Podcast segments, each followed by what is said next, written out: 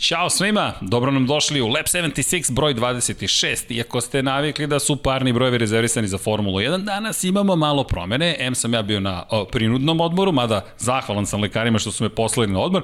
M Pavle sutra snima pod kapicom, sprema se, svašta nešto danas radi i Vanja mi već signalizira, odmor je učinio svoje, približi se mikrofonu, je poruka koju mi šalje. U svakom slučaju, dobrodošli u 26. emisiju, posvetit ćemo Moto Grand Prix, tako da ljubitelji Formule 1 čekajte 27. vrlo brzo ćemo je objaviti.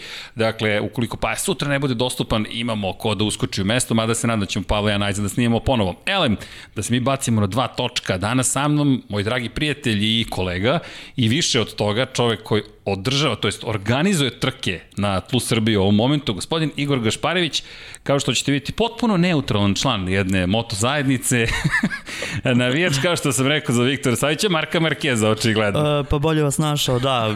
Mislim, ja sam odlučio na nekom neutralnu majicu danas da, da obučem, da se niko ne bi etiketirao mene. Pa, Da, vidim da si potpuno neutralan, ali, Tako je. ali čekaj, čekaj, te pitam, a, ta povreda na ruci, to je povreda na nivou Marka Markeza. pa morao sad- sam da iznevelišem, znaš, imam povredu Markezovu, isto kao Markez, imam majicu Rosijevu i to je to, sad sam na obe strane, podržavam i jedne i drugi.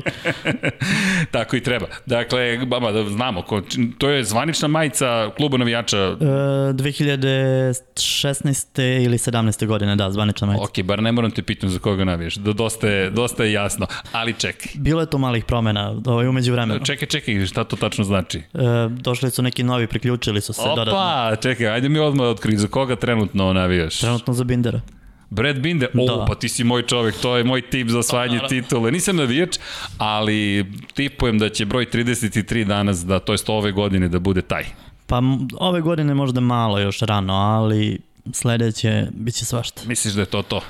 Mislim da će Dorna konačno da ukapira da je bolje da nemaju jednog velikog vozača nego više malih. O, ali kad Odnosno Odnosno kažeš manjih. manjih. Dorna da ukapira, šta impliciraš time? Odmah smo počeli tvrda emisija, dakle. Pa vidi, znamo, znamo se vrlo dobro, i znaš na šta mislim. Mislim da, da nema potrebe da guraju toliko Markeza. Moje mišljenje lično. A misliš da guraju Markeza? E, Pa mislim i Honda je sama rekla da se jedan motor pravi za jednog vozača. I ne samo za Markeza, Ali- i ranije su to radili. Ali to je Honda, naravno, Hondina politika je inače bila, dakle, biramo jednog vozača i stajemo uz njega i njega forsiramo. Bio to Tako Mick Duan, bio to Valentino Rossi, bio bilo ko u toj ergeli, kao Dani Pedrosa što je došao i kao Novajlija je već dobio veću podršku nego čovek koji je te godine 2006. postao šampion Nicky Hayden. Dakle, odmah su prešli na Pedrosin projekat, kada to nije uspelo, doveli su Andreja Dovicioza, međutim ni to nije uspelo, pa su doveli Casey Stoner, pa stali uz njega i onda je došao Mark Marquez i stali uz njega Tako je. ali to je Honda.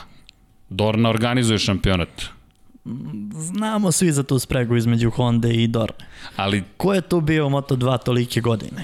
Ko je bio tu da se malo prekroje pravila kad je trebalo? Ko je od osnivanja MotoGP-a sve vreme tu? ali da li je to pomoglo Markezu da osvoji sve ove titule? Ne, naravno da nije.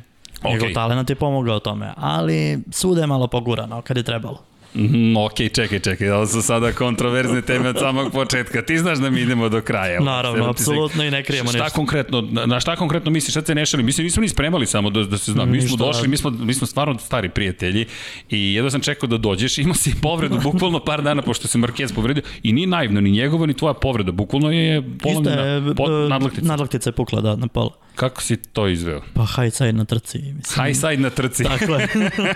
Čekaj što mi to zvuči poznato. pa isto ono što si gledao na televiziji, samo u manjem Uh. izdanju. Čekaj, ajde da, ajde da, da, da malo vratim film. Dakle, rekao sam organizuješ trke. Match.rs nije sajt posvećen dakle, kao što biste mogli pomisliti možda tenisu ili nekom drugom Ili sportu. boksu, na primjer. Ili boksu, i da, ili boksu. Reč je zapravo o endurance kupu mopeda. Ti si čovek, ja moram ti skinem kapu. Zaista, ako je nešto emotivno propraćeno i ako nešto je toliko divno i probudilo pozitivnih emocija na ovim prostorima, na dva točka, onda su to mopedi. Ja ne znam od- odakle ti ideja, izvini. I izvinjam se što skačem s teme na temu, ali zve- znam da nekima to ne prije, nekima prije, ali to sam ja, ljudi. Dakle, sad šta da radite? Ja sedim sad za ovim mikrofonom i nadam se sledeći odmor kad bude ko zna, evo Vanja, možda da ga uvedem Možda će sa- da preuzme, ko zna. Možda će da, da preuzme. Možda Mada- će ti oduzmu sve ovo, ko zna, otkud znaš, bit će, Vidi, nikad se ne zna. promenit će bravu samo i to je to. I Vanja je sve preuzeo, tako da pašljivo gledam. Ako krene da izučava knjige motociklizma, gotov sam. Tu je to, to je kraj. Kraj. Elem, moped je. Odakle ti ta ideja? Pa ništa, ovaj, ne znam ni ti koliko si upućen u sve to, ali negde početkom 2000... Malo. početak 2000-ih i generalno do 2010. Srbija je imala jedna od jačih šampionata u ovom delu, Srbije, u ovom delu ovaj, Balkana. U celoj SFRJ imali smo možda čak i najjači road race šampionat. Međutim, vremenom je to krenulo da se gasi i negde od 2015. 16. gotovo da je zamrao skroz šampionat kod nas.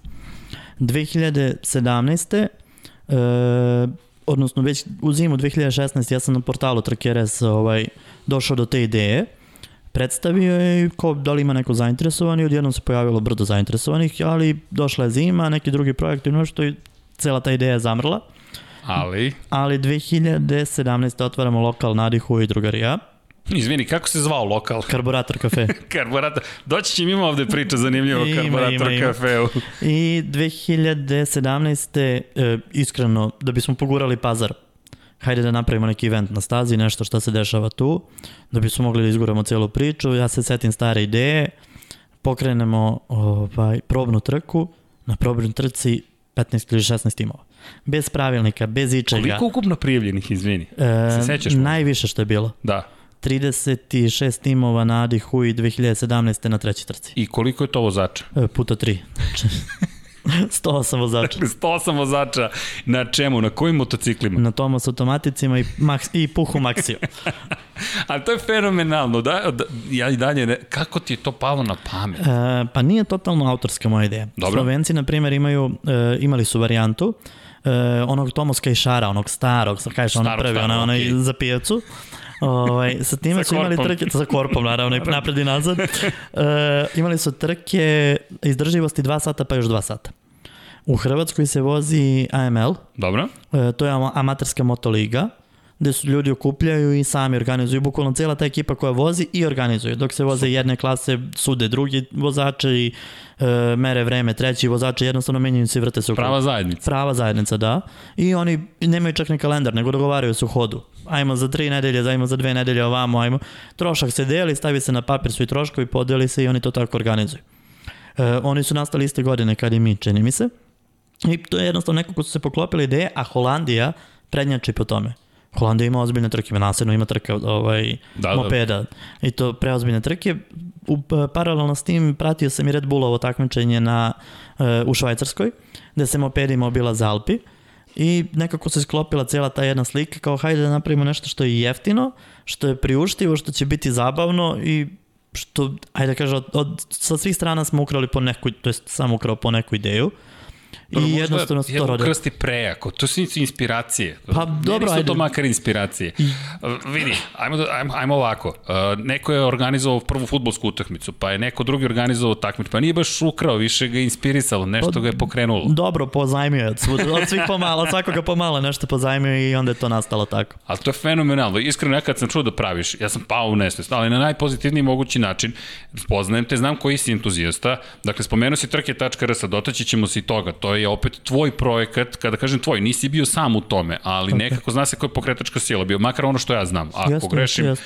ti me ispravi, ali znam da ideš malo glavom kroz zid, dakle, pravi si entuzijasta, m, podržavam, dakle, znaš da ću uvek podržavati sve, ne, sve nemoguće Tako je, ideje, tako je. jer su zapravo moguće. To je inspiracijalo nas da napravimo Infinity Lighthouse, to, te ideje. I, I sada kada rečemo opet imam, mi do, došli smo do toga da si imao u jednom momentu preko 100 takmiča, ali to su ozbiljne trke, dakle to nije šala, evo ti si slomio ruku na trci. Tako je, tako, to su postale preozbiljne trke i to su postale mnogobrojne trke. Ja u životu na, nisam video kao na prvoj trci 2017. godine. M, Pričamo o probnoj trci gde je bilo zezanje. Imamo jedan članak na trke RS gde kaže pravilnik neka bude 50 kubika, neka bude automatik, poskidajte sve što može da se slomi i dođite da vozite. To je bio bukvalno pravilnik. Ok, to je da, pokušaj se vrlo nađe. jednostavan pravilnik. Je- Najjednostavniji mogući. I kao, ajde, ok, ovo bi trebalo malo obličiti, trebalo bi dovesti sudije, pravilo merenje vremena, transponderima, organizovati hitnu, nekako doći do neče, do nekog, neke suštine to. Stvorila se priča, pokrenuli trku, objavili da se organizuje trka, bio je jul 2017. Zvoni meni telefon, četvrtak. E, ovde je Aleksandar sa RTS-a, da li bi volao da dođeš sutra da predstaviš svoju ideju? E, o, ok, doći ću. Vrlo rado. Vrlo rado. E, dolazim na RTS, predstavljam priču, sutradan trka, sve je postavljeno kako treba, sve je, post, sve, sve, sve je organizovano onako baš na, na popriličnom nivou, da bismo došli u situaciju da meni javljaju da ne može hitna da priđe Adi Hui, jer je zastoj od e, kružnog toka na Bogosloviji s jedne strane i od Mirjevskog bulevara s druge strane. To je nekoliko kilometara. To je nek- Čisto pričamo se nekoliko- razumemo. da, da, To je da, nekoliko da. kilometara. Jednostavno nije bilo moguće prići Adi Hui, ljudi su ostavljali kola na, na u Višnjičkoj ulici i dolazili peške. U životu nisam video puni onaj, onaj bedem tamo, To je bilo, po proceni pred- policije bilo je 5000, ali ja mislim da je bilo, ako ćemo realno, oko 2-2500 ljudi. Čekaj, dakle, ne poredimo ovo sa svetskim prvenstvom, ali ti si skupio 5000 ljudi, ti i svi ljudi koji su učestvili u tome, 5000 i više ljudi da dođu na trku mopeda. E, tako je. I opet kažem, moja lična procena je da mislim da nije bilo više od Čekaj, je 2000. li uticalo pozitivno na pazar karburator kafea? Ma Pazar jeste, ali Pazar je vrlo brzo tu postao nebitna stavka Mm, Ne, u celoj toj nestao Pazar. priči. Nestao je. Jednostavno ja sam u celu tu priču išao malo više srcem nego što je trebalo i ovaj, neki, napravio sam ozbiljne greške i svestan sam tih grešaka koje sam napravio. Jednostavno nisam imao previše iskustva u tome, u celoj toj organizaciji. Dobro, Ko je imao? Apsolutno se slažem. Niko je, po, Ko, ono što ja znam, niko. Ti sad imaš to iskustvo, ali to je ta Tako Tako cena je. iskustva. Dakle, svi kada prvi put nešto radimo, to je ono što često pričamo u Novajlijama, daj ti malo vremena, čekajte ljudi, pogotovo u Moto Grand Prix, tek su seli na to, to je kraljevska kategorija. U ovoj konstelaciji zvezda koje imamo, biti brz je na nivou nemogućeg. Slažem se, da. Šta god da radiš prvi put, čekaj, još tamo imaš i instruktor, imaš uputstva, ovde si i Ovde izviđač. si, pa iskreno, cijela priča je prenesena sa MotoGP-a. Ok, videli smo na MotoGP-u šta je, kako funkcioniše. Ajde da prenesemo to u malo.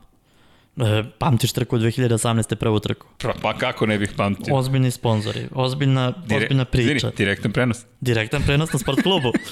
Ti si ga radio. Ja Ja sam Mislim što 4 komentarisao. sata, 4 sata si pričao, ne znaš o čemu si pričao. ali, ali nije, ali pazi, i, uh, ono što je bilo lepo, dali ste live timing. Meni je da. to bilo kritično, dakle, da ja razumem šta se događa, pogotovo što mm, koliko god da da mi to nekako sad već podrazumevamo. Dorna to pokriva sa 96 kamera i više kamera pokriva jedan MotoGP. Lako je, iskreno, m, ajde, neću da kažem lako, ali mnogo je lakše to komentarisati s obzirom na činjenicu da ćeš dobiti pet uglova za Da. jednu situaciju. Ovde je malo bilo drugačije, pao je mrak, Ovde je bilo četiri kamere, jedna Nagađanje. kamera kod Marine, ne postoji konekcija između Marine i tebe, ali, ali ispalo je na kraju kako treba. Mislim, interesantnije je bilo nego kad si prenosio pljusak u Silverstonu, svakako.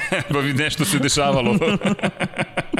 Ali vremenski je tu negde da bilo. Ali, to je, to je, to. ali meni je bilo super. Ja, i do, imali smo i hashtag SK Mopedi. Tako je. A, E, Tvoj poslednji tweet, ja i dan, danas imam zapisano, dakle, ne, ne pamtim ga, ali znam svaki put kada pokrenem tweet deck. Inače, za one koji me pitaju, tweet deck koristim tokom, tokom svih prenosa, s obzirom da imam liste. Inače, su, otvorene su liste. Formula 1, MotoGP, NFL-a, svega, opet ta ideja o transparentnosti, ali moram da ti pročitam tweet, izvini, znam da, da je ovo skok, ali ostao mi je ovde sačuvan i kaže SK mopedi, SK mopedi, sad imam milion lista, ne zameri, gde su SK NASCAR, NFL, da, kreće NFL liga, da, evo ga, 6. jul 2019. Danas SK MotoGP, a večeras meč.rs, SK mopedi na autokomercu. Ajde, vale, da poskidamo neke fore. Jeste, istina bilo je tako. Mislim, e, ja sam ceo život na trkama, kao što znaš, 20 godina sam na trkama. Izvini, to sam hteo baš da te pitam. Otkud ti uopšte u dvotočkašima? Ja znam, ali koja je tvoja priča? Ti zapravo si se rodio na neki način u, u benzinu, ako mogu tako da... Ne mogu Pa kažem rodio, jest. ali rastao svakako. Jeste, ja, na primjer, ne znam koliko futbalera ima na terenu, ne znam koliko košakaša ima, koja su pravila, šta se dešava. Međutim, ja sam 97. godine otišao na Mišeluk na prvu trku. Izvini, koliko si godina imao? sedam, nepunih. Otišao sam tamo, ja se dan danas sećam se reči e, redara, kaže, kreće superbike. Kad si već budala da si doveo dete, kao, bar ga skloni odavde. A moj otac koji kaže, ma ne, neće njemu ništa da bude, ostavi ga tu. Ja se, evo, hvatam se za onu traku, ona na PTT kabala, ona žuta traka, njom je bila ograđena staza, ovako ja se hvatam za nju i gledam superbike. Pri, ču- pritom pričamo o tada već ozbiljnim motori, odnosno tada još nije bilo, ali već 2000-ih, 2000-te, 2001. počinju ozbiljni motori da se voze kod nas. To je, tad imaš 10-11 godina. Tako je, Ali tako vidi, je, tako. žuta traka, žuta majica Sve je to od malena je krenulo žuto. Jeste. i I to je tako krenulo, jedno po jedno, jedno po jedno, od 97. do 2018. nisam propustio ni jednu mototrku koja se vozila u Srbiji, pričamo o, dro- o road race trkama. Mm, Motocross, enduro, to ne interesuje me, mogu da odem da pogledam i kad je blizu odem da iskoristim dan, ali o road race trkama sve pratim kod nas. krug takozvani. dakle, Tako je, kad krug. Je krug u pitanju, tu si. To je, to je. Pomerala su se mora, odlasci na svadbe i ostalo, sve se to pomeralo, štelovalo se da ovaj, odemo na trke. Stvarno, tata i ja smo išli pa do 2015. 16. tad je njega malo počela smara u Srbiji, inače i pismo išli zajedno i svuda, mislim, to je jednostavno takva konekcija Pa- pa, koja postoji od početka. Ti si mi prvi rekao za braću Sofoglu, ne za o, Sofoglu, slušaj me, za Ondžu. Za Ti si mi Ondžu. rekao vidi ove klince, Deniz i Džan, zapamti ih, ti klinci će biti super. Tako, pa zanimljiva je priča da se kod nas vozio e, istočnoevropski šampionat, a e, naše trke su se vozile na recimo na Istanbul parku. E, pa sam ja recimo upoznao Kena, e, ne Kenana Sofogla, nego Razgatriogla Topraka. Da, to prokružno. Ja sam ga u Batajnici upoznao. Ja sam došao u subotu ujutru, dete, 15-16 godina, koliko je on imao tada, ne imao ni toliko. E, pita mene na engleskom, pošto tamo rano je još bilo, nije ni krenulo, ja prišao tu da popričam sa ljudima, ne znam, ono, upoznam se s ljudima, I kao, kakva je staza, šta je? Pa rekao, nije staza. Kaže, tražio sam po Google-u, nema. Pa rekao, nije staza, aerodrom je rekao, objasni mi njemu pravo, desno, levo, imaš ovde šikanu, to je to, ovde okretnicu, kaže, važi, hvala. Toprak izlazi, kažem, pričamo o detetu koje se pojavilo, nijotkuda. Prvi krug pravi ništa, drugi krug ništa, treći krug rekao staza. Ili, ili najbrže nešto vreme bliže u tom tome, trenutku ili jasno, tako nešto. jasno, jasno. Samo je u jednom trenutku pokazao zapravo koliko, o ko- o kom talentu se radi. Tako, na primjer, i, i ovaj, braća Ondžu su vozila na Istanbul parku kad su i naši ljudi vozili. Oni su bili klinci tamo koji su vozili 125 i 300 i šta se tada već vozilo. Evo ima na, na, nekoliko naših vozača, recimo Steva iz Kraljeva, baš sam prošlo leto gledao s njim slike kad su bili klinci, deca, deca, trče oko motora i jure se, sa našim vozačima su se slikali, tako da ima tu, dosta ljudi u Srbiji ih poznaje i za Kana sam ve, verovao da će više napraviti, međutim, Jel se čita Džan ili Kan, kako ga... e, pa radimo u turskoj firmi, kao što znaš. da, da, da, da, ali to je... Pa ja mislim da je Kan. Evo ga, Vanja, Vanja zna turski isto. On Džan. kaže da je Džan. Evo, možemo, možemo vas zovemo da Džan pitamo u ili Kan, live-u ako To, hoćete. to, to zvaćemo ga da ga pitamo. Ali, e, vidi, Vanja, ne znam, ali ćemo sad saznati, otvorili smo novu temu, ali kako Pitaćemo, god, E, da evo, ako hoćete, poslaću poruku odmah. pošalji, molim te. Evo odmah. Dakle, uživo. A umeđu vremenu imam ja tu par pitanja. Za one koji ne znaju, iskoristit ću ovaj intermeco. Dakle, evo, uživo. Dakle, kada govorimo o Kanu ili Džanu Ondžu, reč je o najmlađem pobedniku svih vremena u svetskom prvenstvu u motociklizmu. Po pravilniku, vozači mlađi od 16 godina ne mogu da voze. Međutim, Ondžu stariji, braća blizanci su u pitanju Deniz i Džan, 5 minuta razlike, u pitanju su toliko dobri da kada je osvojio Red Bullov kup Novajlija pre dve godine, tada su i promenjena pravila, šampion juniorske konkurencije, to je nekadašnji šampionat Španije, dakle u CEV Repsol šampionatu, ko osvoji titulu, čak i mlađi od 16 godina ima pravo da nastupa u svetskom prvenstvu. Moto Grand Prix u popularnom, to je u Moto 3 kategoriji Moto Grand Prix-a, preko 18 morate da imate da biste nastupali u Moto dvojkama i Moto Grand Prix-u. Elem, a Ondžu Stari je dobio priliku, zahvaljujući toj tituli Red Bullom kupu Novajlija, da vozi pre dve godine u Valenciji i po kiši sa, sa 15 godina i 115 dana je pobedio u prvoj trci u svetskom prvenstvu. I, Iznenada. I Nijotkuda. tu Vidi, i, ti, gledali smo, ja sam je komentarisao, z- znam da ja radovao sam se, iskreno sam se radovao, ali pogotovo oni poslednji ili pretposlednji krug kada odjednom On krenu kada high krenu da ga side. baca, da, da, da. da. Rekao, stani, stani dete, samo prođi kroz cilj. Ali kako trka? Ma ne, strašno trka, on trka života, bukvalno. On da pobedi još sto puta u čipiju, to je trka, Ta, E, ta, ta se ta, pamti, trka. ta se pamti. Tako je. Dobro, čekamo odgovor. Dakle, Čekamo, evo, poslao sam ovaj Kenanu, tako da vidjet ćemo.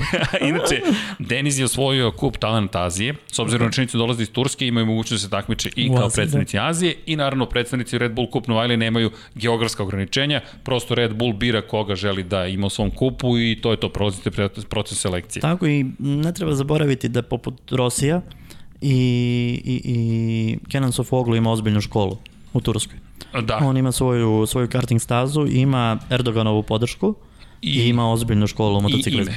I ta, I ime, on je naravno. super zvezda u Turskoj. Ja mislim da, da ponekad nije jasno koliko je Kenan Sofoglu veliko ime. Tako je. Dakle, on je čovjek vozio preko Bosfora. Dakle, vo, vozi...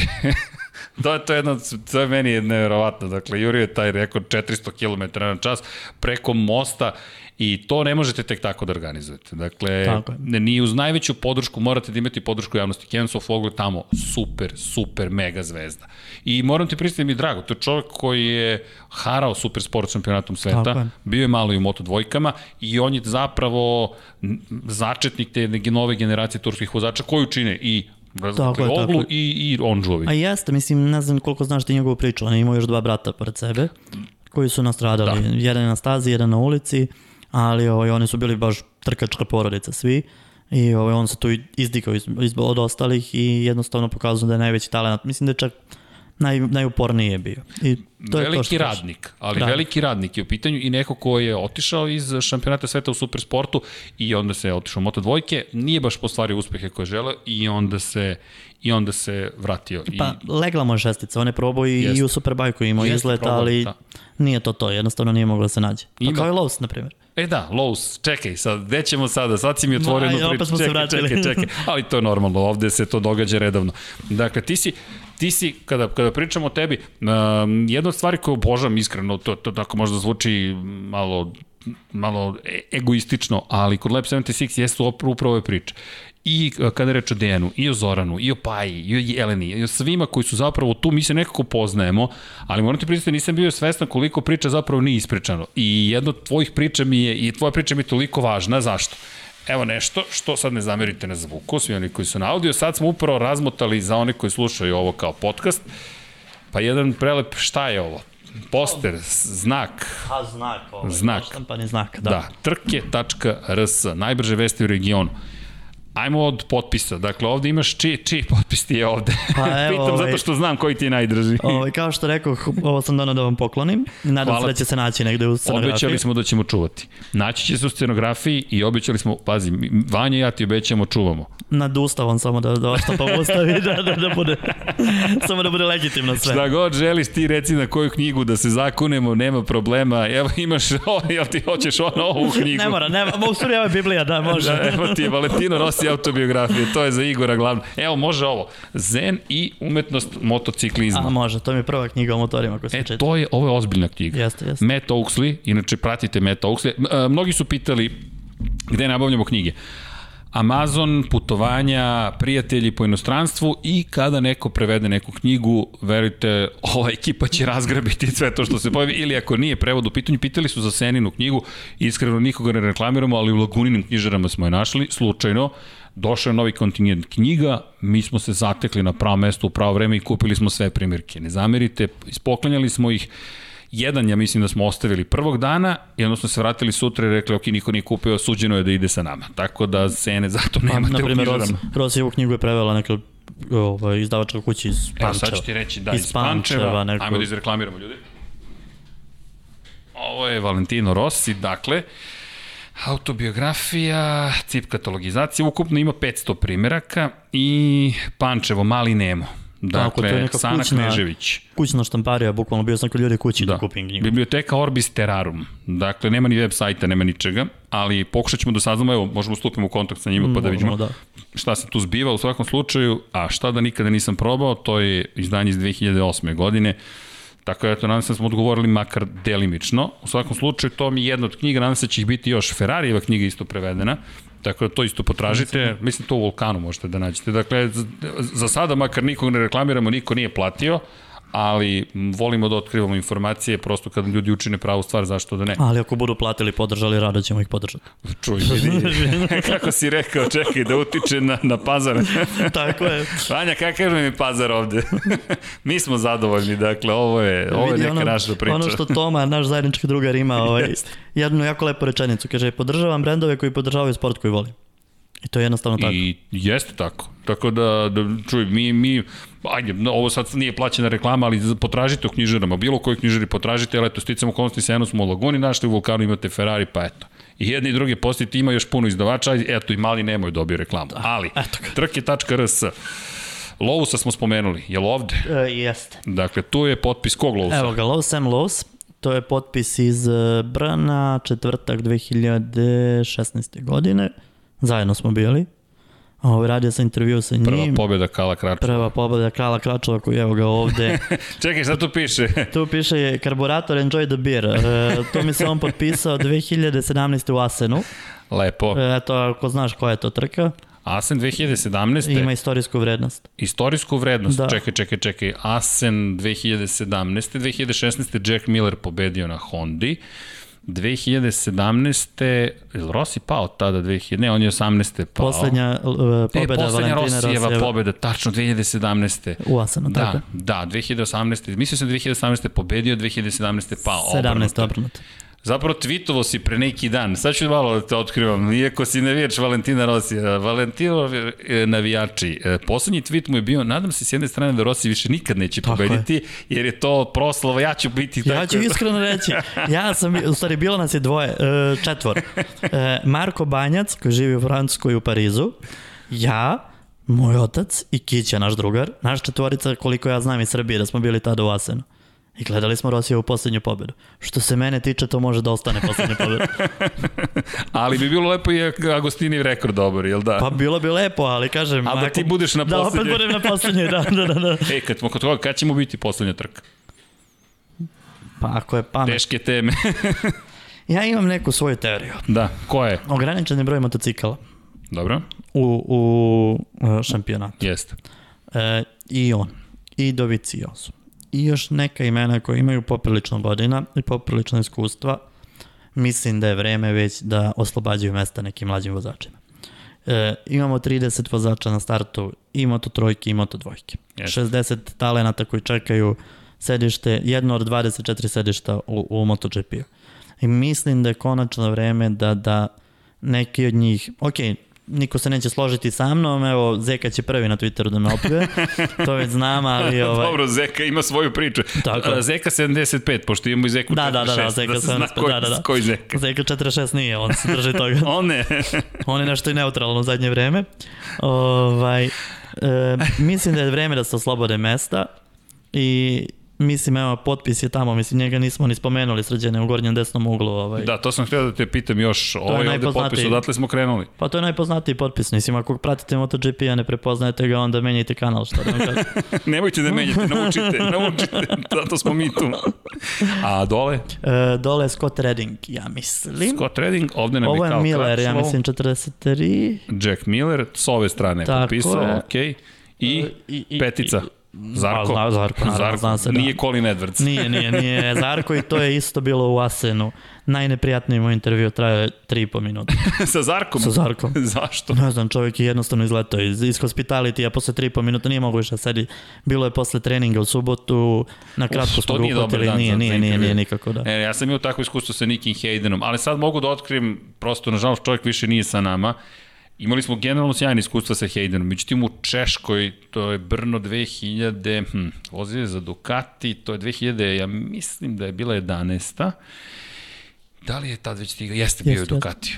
I znam da, da je bio vrlo nervozan, nije hteo da odgovori ni na jedno pitanje. Još smo ga pričali, da, sećam se da sam hteo da ga pitam za hiljadarke, jer je jedan od rekih koji je imao iskustva sa hiljadarkama, ništa nije dao od odgovora, ništa, ništa, ništa, ništa, isključili smo kamere, sve se pogasilo, I Niki se okreće i kaže, su devojke tu.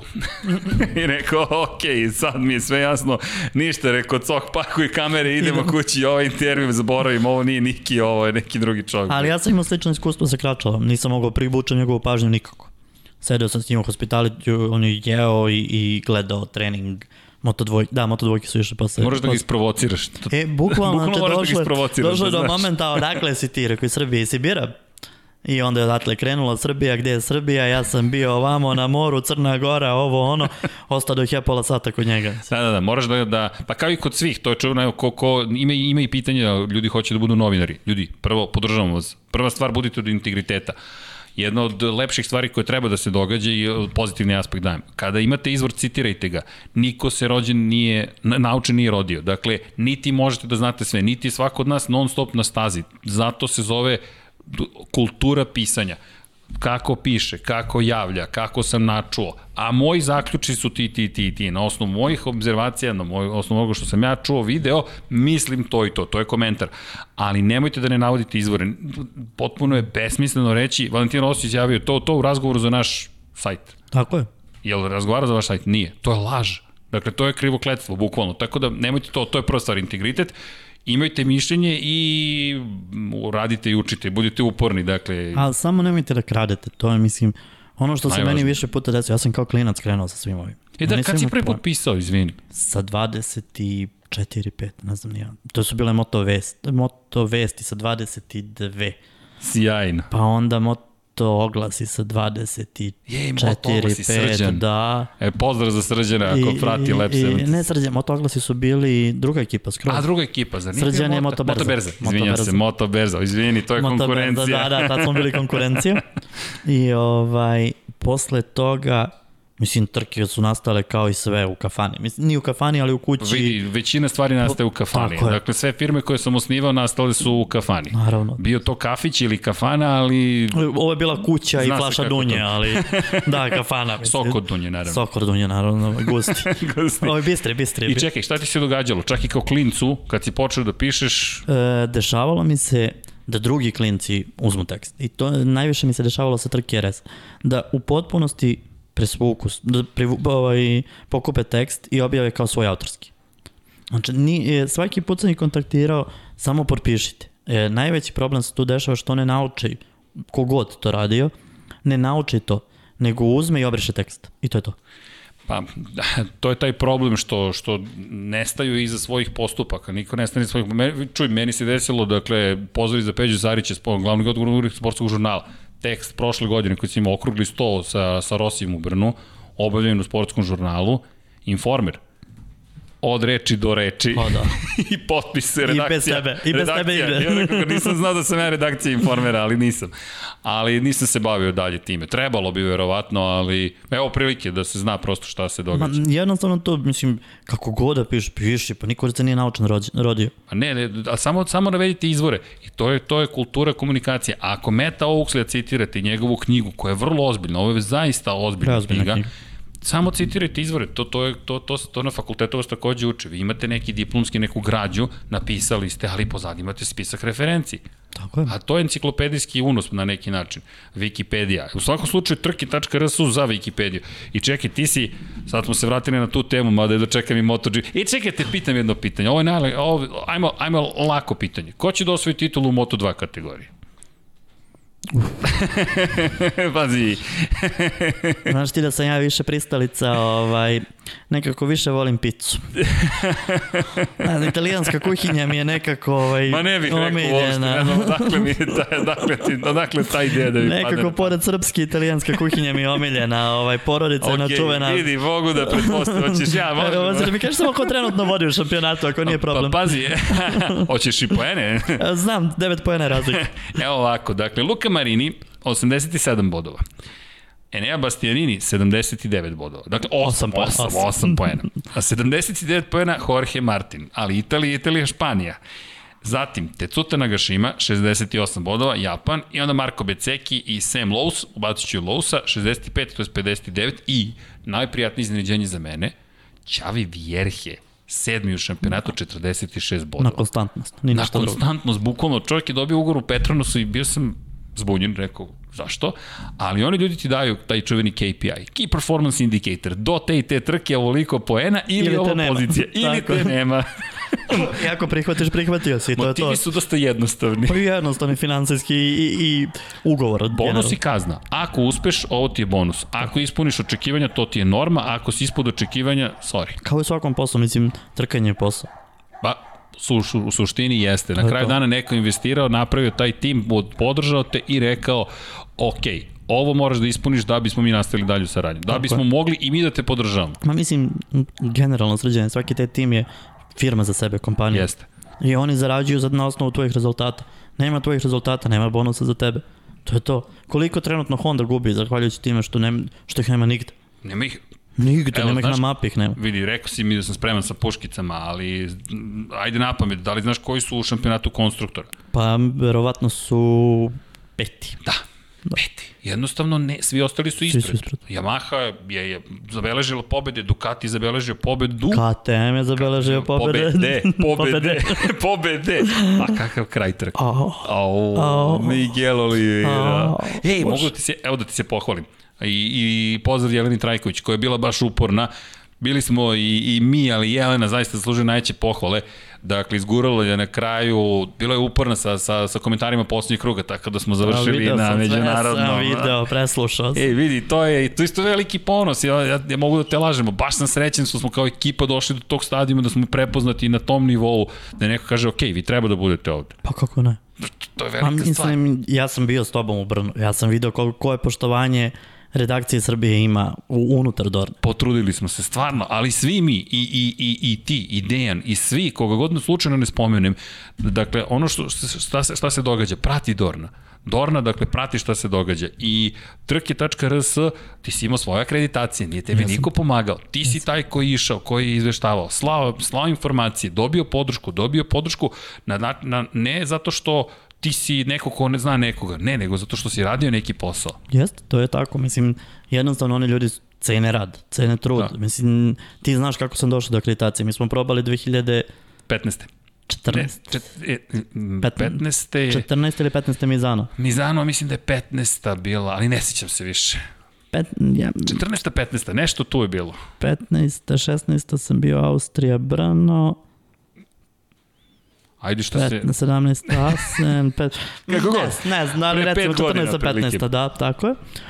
Ovaj, javljaju u sredu da nema akreditacije, ti si slao zahtev, e, nahvalio me, poslao sve, ok, probajte, ma kakvi ništa.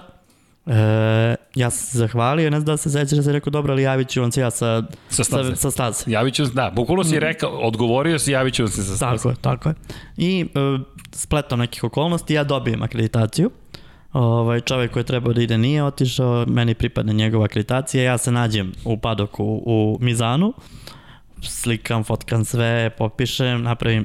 Čak se nađem i u, u ovaj, na pit lane-u, odnosno ovaj, u, u padok, u boksu, samim boksevima, e, samo nepažnjom italijanskog redara.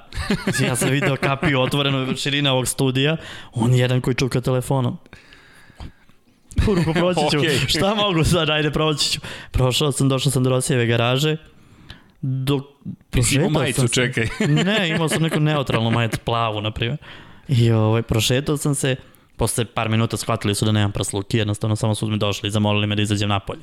Ali ovaj, stigao sam čak i do, i do same staze. Te nam je prsluk. Eno ga prsluk, dobili smo od prošlogodišnji na, na, za kao Pa uspomen. vi imate i prsluk. ovaj, vratio se unutra, poslao njima tekst.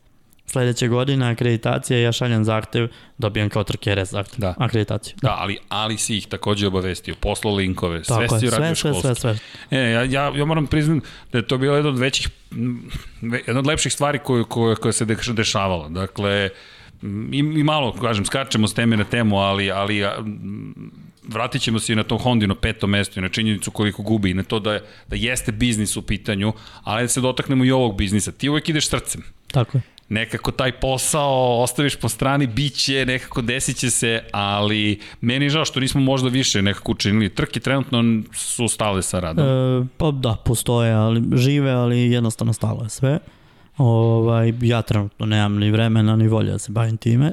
Svodi trke se, su- o, opet se svodi na jednog čoveka. Da Ta, e, pa neko nažalost se pokrene. svelo, da. E, to je priča koju smo pokrenuli nas trojice. E, Lazar, Marko i ja. E, vrlo brzo su se Lazar i Marko povukli iz cele priče. Uključili su se neki ljudi, novi ljudi, Peđa, Milica, Ana, e, Dragana, bilo Jeste, je tu baš ste brdo bili ljudi. vredni. Tako je, bilo je tu desetak ljudi konstantno ovaj, u cijeloj toj redakciji, nazovimo. Uglavnom se radile e, pa prevod vesti sa inostranih sajtova, Jasno. Crashnet Motosport, to je radila se prilagođavanje i po dnevno 1-2 autorska teksta.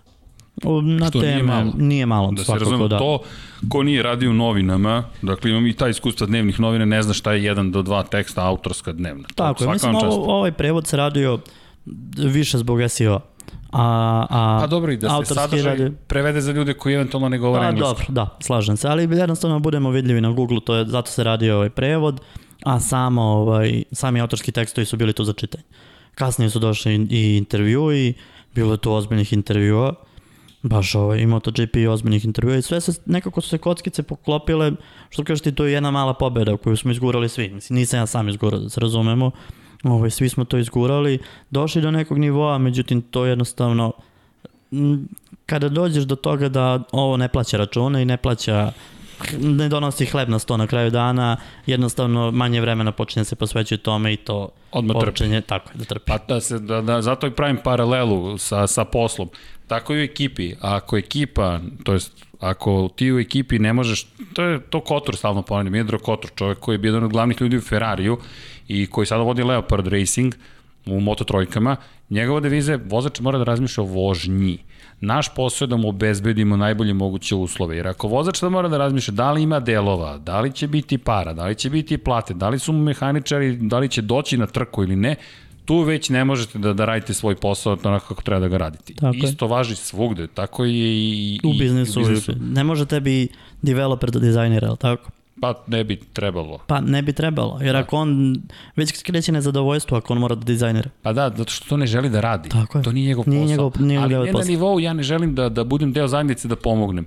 Ok je da pomogneš, ali da to postane zamena, teza, da ti sad odjednom, rekli su ti bit ćeš mehaničar, a ti si odjednom Čestačica. čistačica ili voziš kamion, ok, vozi se kamion i važi, ali odjednom samo voziš kamion, više nisi mehaničar. Čekajte ljudi, nije, nije to ono što sam hteo, dakle, svi voze kamione. by the Mislim, way. da, da, to- da, da, to- to- to- E, Kikulon, čovjek koji je glavni inženjer Miguel Olivere, pobednika velike nagrade Štarijski u Moto Grand Prix, vozi kamion za teh trojke. Dobro, pa što da ne? Voli čovjek.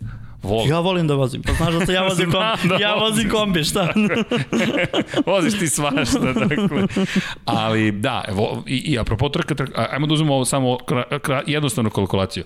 10 ljudi, 10 ljudi treba platiti.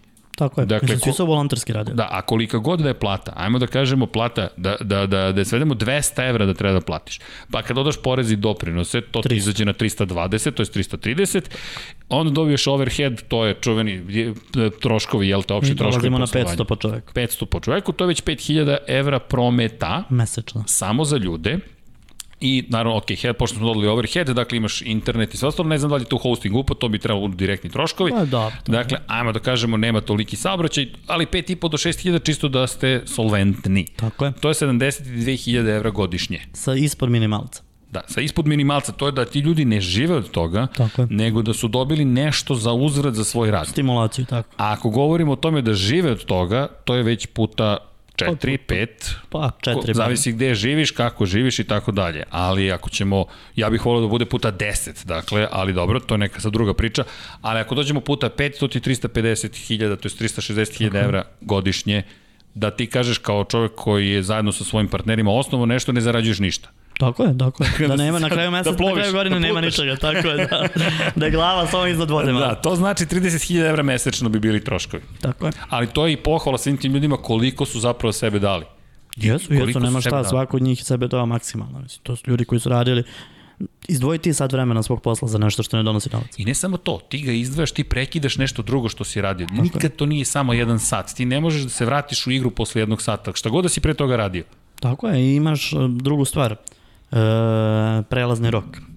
Ili dan trke, petak, na primjer. Jasno. Tebi se informa informacije ti stižu, ako nisi objavio odmah, to je to. to, ti si gotov, kasniš. Tako je, U, u instant vremenu u kojem živimo, moraš se. mi kad, smo, kad sam bio ja klinac, ja, ja, ja 95. kad sam počeo da pišem u dnevnim novinama, dnevna vest, ali ti opet imaš nekoliko sati. Možeš da propustiš, ti neko će videti, Tako je, ulovit će. Do sutra ćeš napisati. ili će da uđe u takozvano beogradsko izdanje. Imaš izdanje za unutrašnjost, pa pošto se radi u, u sportskom žanalu i politici, dakle u Republici Srbiji, to je dobro, to vreme je bila SRJ, ali ok, na teritoriji Srbije, Srbije, Srbije Crna Crne Gore. Gora. Dakle, govorimo o tome da je išlo takozvano e, izdanje za unutrašnjost sa dve zvezdice na politici i četiri kada je beogradsko. Možeš da odaš u beogradsko izdanje. Dakle, negde je izašla ta vest, ali sada u instant vremenu Nema, ako je tvoja notifikacija na srpskom izašla minut kasnije od MotoGP zvanične, gotovo, to je Kasno. to. To, to je to. nemate, nemate. Da, to je neverovatno zapravo koliko je koliko se koliko su se stvari promenili. Pozdrav svima koji koji koji su ovim bave. Dakle m, moram priznati dakle pole position, da. Da. F1 Serbija, kako god, Pa koliko i god. ovaj momak što radi, recimo, uh, bio je MotoGP Serbija, sad ne znam kako se zove na Instagramu. I, e, d- I Kovakius, na primjer, između ostalog, ne znam da se čuo za Ne, čoveka, ne. on isto radi puno toga. Dakle, i puno Instagram stranica se pojavila. Tako je. Svaka čast, ljudi, to samo e, ogroman entuzijazam je potreban. Imate podršku, dakle, koliko mi možemo da vas podržimo. Ono što, mada, koji bi savjet ti dao? Pa nema savjeta. to. To, je To srce. radiš srcem. To radiš srcem. To je automoto sport. Radiš zato što voliš, no nema Da. da. para. Ko, pa ko je dao? Igor Marković, dao da, lepo poređenje. Yes. Kako da postaneš milioner u autosportu? Po, po, kreni od toga što si milijarder. Tako je. To je to. I tu je to, tu je, tu je kraj. To je jedina tačna rečenica vezana za automotosport. Ali to je tako, tako je svugde, dakle, da, da, da, da, da, da da se razumemo, e, količina energije, vremena, para koje uđe u nešto da bi se stvorilo, to je prosto ili volite ili ne volite. Pa, Lepo zvuči Rosijevih 12 miliona ugovora od pre 10 godina, ali tako? Pa da. Ali koliko je tu zapravo krvi, suza, znoja, Pa- pa. svega proliveno i koliko malo taj mehaničar dobije, koliki postotak toga. Pa ni ne, ne, ne rade to zbog plate. To je ono što svi govore. Čak ni čuveni Alex Briggs, koga svi znaju kao neku vrstu Twitter zvezde, dakle čovjek koji prvi tweetovo čak i tajne delove iz Yamahine garaže tamo 2011. E, znaš da smo hteli da ga dovedemo na web fest dok smo ga Ozbiljno? organizali? Da, i pristao je. Ali i otkažu mu let za Mizano i nije mogo da nam dođe. Bio je planiran, čak smo pravili akciju da M jedinicu nekako dovučemo na scenu. pa bila je dve godine, dva puta je bila, Bila, u Srbiji. bila je u Srbiji, da. da. Ja, u to vreme Web Fest smo organizovali u Budvi, ali bez obzira gde god da se da. organizuje, i Briggs je rekao, ok, dolazim na konferenciju. I to mi je nepreželjena stvar da što nismo Da što- imali Aleksa Briggsa. Možda bi bilo samo Mot Petrolheci bi bili u publici, ali A Pa dobro, na Blagomani je bilo puno, nemoj tako. Iako je bilo samo MotoGP, bilo je puno.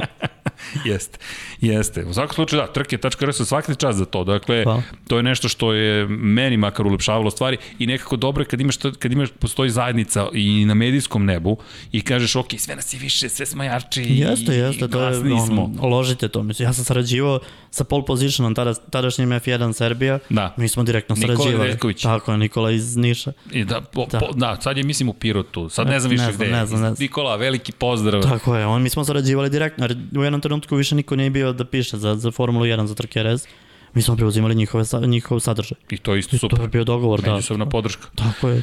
Dobro, da se mi vratimo stazi. E, Gde se vraćamo na Dakle, hoćemo Markeza, na Hondu, čekaj, čekaj, ne? čekaj, ali to mi se ti, ti pamtiš. ali Honda mi je e, misterija. Vidiš kako su oni brzo hteli da vrate pare nazad. Mislim, povratak Markeza na stazu, svi smo znali Ok, da se šta je neće tvoje desiti. mišljenje? Ma, svi marketinški trik, šta? Ali Pa Bavimo čekaj, skup marketnički trik Ali na to kraju. je preskupo ih je koštao na kraju. Pogledaj njegovu ruku dan danas. Dakle, e, inače, opet sam, ja sam inače malo pre se vratio u Beograd. Samo smo leteli smo u studio. Sreće ista vremenska zona, ajde. ali ali bio je jedan od komentara da li mislimo na isti snimak pošto mahne desnom rukom kad se pozdravlja. Međutim, kada pogledate sve, njegova ruka i dalje, kad si ti slomio ruku? 1. augusta. 1. avgusta, danas je 4. septembra. Sad četvrti. Ne, danas je 2. Drugi septembra. septembar. 2. Ti septembra. se vrati ranije s mora. Ups. Imao sam još dva dana Eto, negde E, Vrati se uplaćeno. nazad, sa šta ti kažem. Ali i to je povreda dakle 1. avgusta Tako je. i do, to je 32 dana dakle od, od, od Da, ali on je operisan. Mislim, to je razlika što je on operisan, ja nisam operisan, iako sam trebao, mislim, to je druga neka priča. Ali, ove, Sve okej. Pa, COVID bolnica na banjici. a ruka. E, sutra slikanje, pa ćemo vidjeti. Ok, držimo ti palče. Da, Hvala. da, ali, budeš, da ne budeš Marquez. Hvala. Ali mislim da su oni napravili jako, jako skupu grešku koju su mislili da će moći da iskoriste u svoju korist. Oni su objavili on će voziti za četiri dana posle povrede, odnosno za pet. Izveli su ga, mislili su provozat će se na treningu, bit će to to, ok, nismo ga pustili, spi- spreman je za sledeću trku. Naprave grešku i ta greška će ih sad koštati sedam trka. I košta ih cijele sezone praktično. Pa, e, vratimo se na onu Honda Dorna saradnju. Dobro. tri trke vise o koncu. Ako nekome budu falili bodovi u MotoGP-u, mislim da te A tri kome trke... bi falili bodovi? Pa jedno malom, ovaj, Kome? nekom špancu malo. A misliš da će... Onaj što ima nulu trenutno. Pa misliš na Markeza? Srđane, e, aj, najzanimljivija Čekaj, ovo mi je stvar. sada fascinantno. Zaista misliš da će Marquez da se vrati i da, Da. će mu otvoriti nekako vrata ka tituli? Ja nešto verujem u to. U, ja mislim da ga nećemo videti uopšte. Ove sezone, Da. ja sam siguran da se vraća. I- Ja, ja sam, u, čekaj, ovo je super zanimljivo. Retko Ajde, kad vidjet ćemo, imamo pričat ovako ćemo, razmimoilaženje u doći će opet na mišljenjima. kraju to, sezone. To, to, to, to, Ali to, ja mislim Portimao. da, evo, pet trka je propustio. Propustit će još dve. Sigurno. Realno. Možda u Kataloniji se vrati. Pojavit to mu će je kuća. se sigurno Katalani. To Da. mu je dom. To je njegova trka, zaista. Neka završi prvu trku kao četvrti. Neće Dobro. se on vratiti ako nije u top forme, da se razumemo. Neće se on vratiti da skuplja pojena. Ja iskreno mislim zato da ga nećemo vidjeti ove sezone. Ja mislim da će se vratiti. Dobro? Ako I? I? se vrati. Scenario koji ja predviđam jeste da one tri trke koje vise ovaj, u vazduhu, koje su Dobro. u kalendaru stoje u vazduhu, ukoliko on krene da pobeđuje, njih ćemo vrlo lako realizovati. U, ti baš... Ja sam siguran u to. Ti, I toliko veruješ da bi Dorn radila na tome da, da, da osvoji da bi imala šampiona koji je propustio pola sezona i na kraju postao šampion. U, ovde smo ušli u teoriju ozbiljno. Ja nije teorija zavere, ja verujem u to, iskreno verujem da će oni to uraditi. Ja, vidi, E, Zašto, evo, budimo realni. Covid se povukao, ali tako, mislim povukao. a sad, Pronađeno je rešenje donekle. donekle, i da, zatvoriš prosto borilišta, nema publike, voziš u balonu si i to je to. Koja je razlika između voziš u Brnu, voziš u Muđelu i voziš u Argentini? Koja je razlika? Koja je razlika? Pa jedino su i troškovi veći za Argentinu. To, To je to, ništa drugo, je li tako? to je to. Da li vozio u, u Beogradu ili vozio u... A, ti dakle ceniš da bi mogla da se nekako vrati Argentina, Amerika i šta ti je Pa treći? vise, vise Amerika, Da, Argentina Amerika i... se bunila. Vidi, Amerika, oni Argentina su- i ne znam ko još. Kada govorimo o otkazivanju... Japan valjda. Pa Ne, Japan, Japan, ba, Japan ne, mislim da sigurno neće. A Australija E, isto otkazana. Ne, Australija i jeste, e, Malezija, Viz, imaš u mislim kalendaru da na ti- MotoGP, evo, evo pošto imaš puškice, Ajde, pogledaj. puškice, ja moram ti priznati da ja koliko znam, to je sve potkazivano, ali ajde sad da ne grešim na pamet. Dakle, oni su za sad sve to stavili da je otkazano.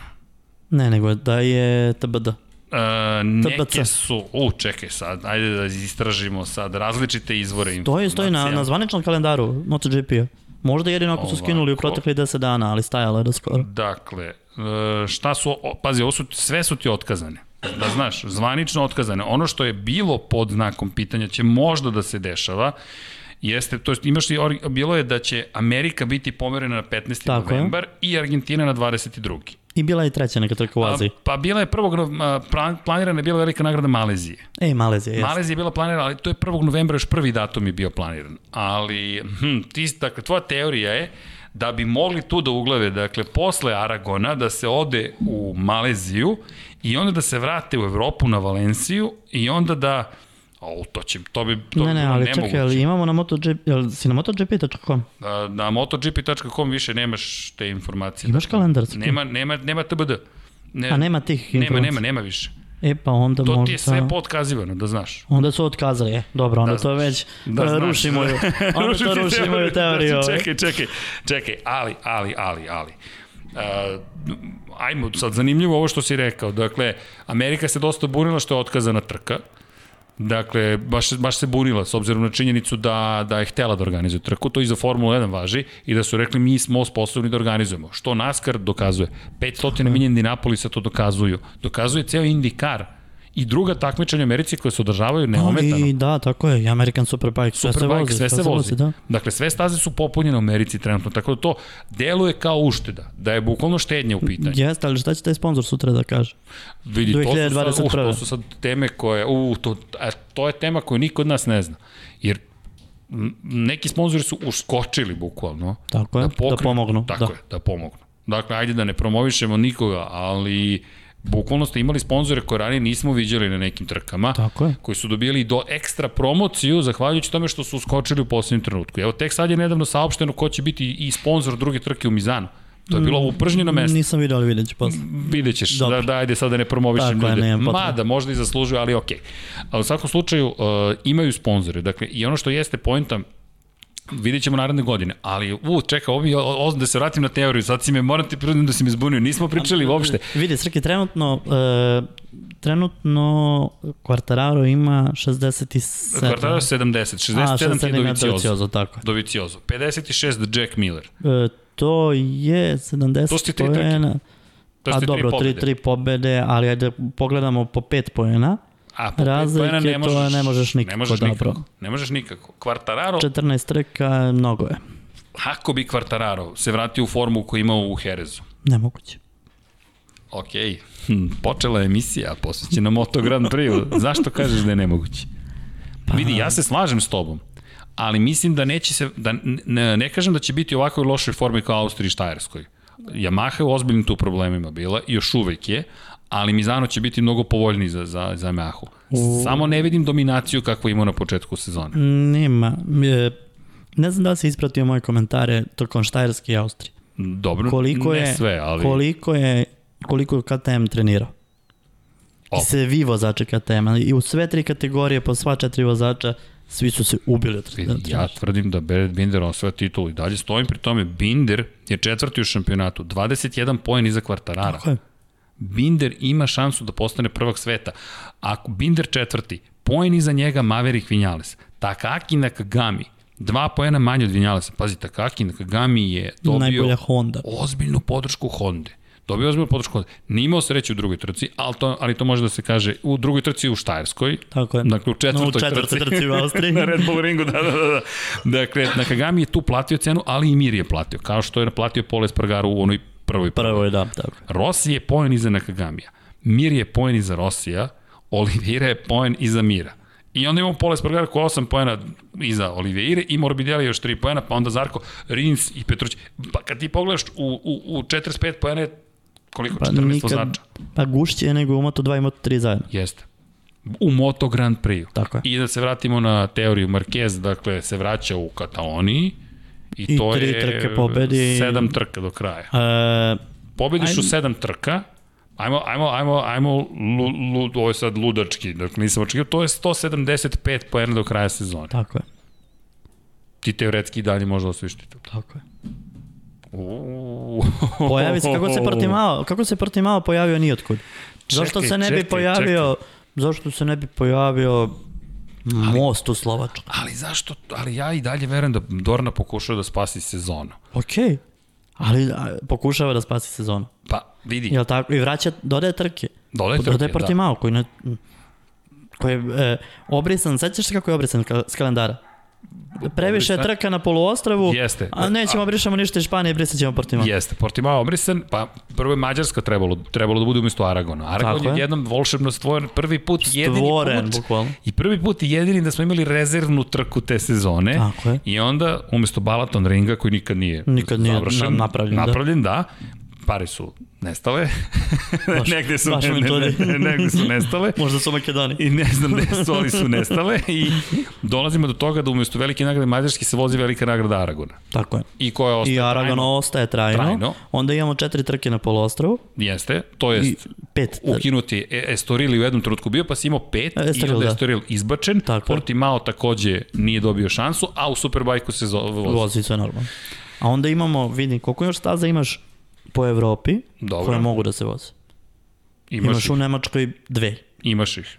Ne znam kako je trenutno stanje što se tiče sportskih pravilnika, ali cenim da se može Pa organizovati. sa A licencom imaš sigurno još jedno 3-4 staze koje mogu da se voze. vidi, čisto da ne bude da, da, da, da, da dam kontra argument, ne, ne zastupam Dornine interese, ali, Naravno. ali eh, vremenski uslovi. Nemačka je dosta zahtevna. ona Jeste, jeste. slažem se, slažem Bud, se. budimo realni. Kada Ali idemo u Francusku. Francuska ima sigurno. E, želju Fra, za- ja ne znam šta će biti u Le koliko Mansu. u Lemanu ima, a koliko ima... I e, Le Mans je severo-zapad, dakle tamo biće hladno. će zima. ja ne znam kako će oni to da voze. Ali vidi, još jedna stvar. U Le Manu imaš mnogo staza. Nemaš da. da. jednu. da, da, da. Mnogo konfiguracije koje mogu da se voze. Jeste. Oni- I formula je...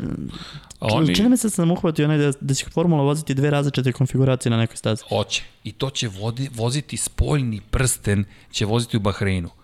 Igore, to je, to je ludilo. To je baš ludilo. To je ludilo. To je, on, to je puna brz, to je pun gas od početka do kraja. Imaš tri pokrivine i, i ono što je problem u ovoj sezoni za Ferrari, kako sad stvari stoje, zaista će ih Mercedes preteći dva puta za ceo krug. Sigurno. to, to je raketni poligon. To- to- do druga trka u Bahreinu. Ja s jedne strane dva čekam da vidim ove, ove zveri, iako ne zvuče kao zveri, ali mi nikad jače formule nismo imali. To ovo će biti zastrašujuće. Ma, Da, slažem se. Ovo je... I apropo, izvini, Le Mans, ima, bogati staza se koristi, je. može još da se Još konfiguriše nekoliko različitih, konfiguracija Tako je. Može to se napravi. Ali neće.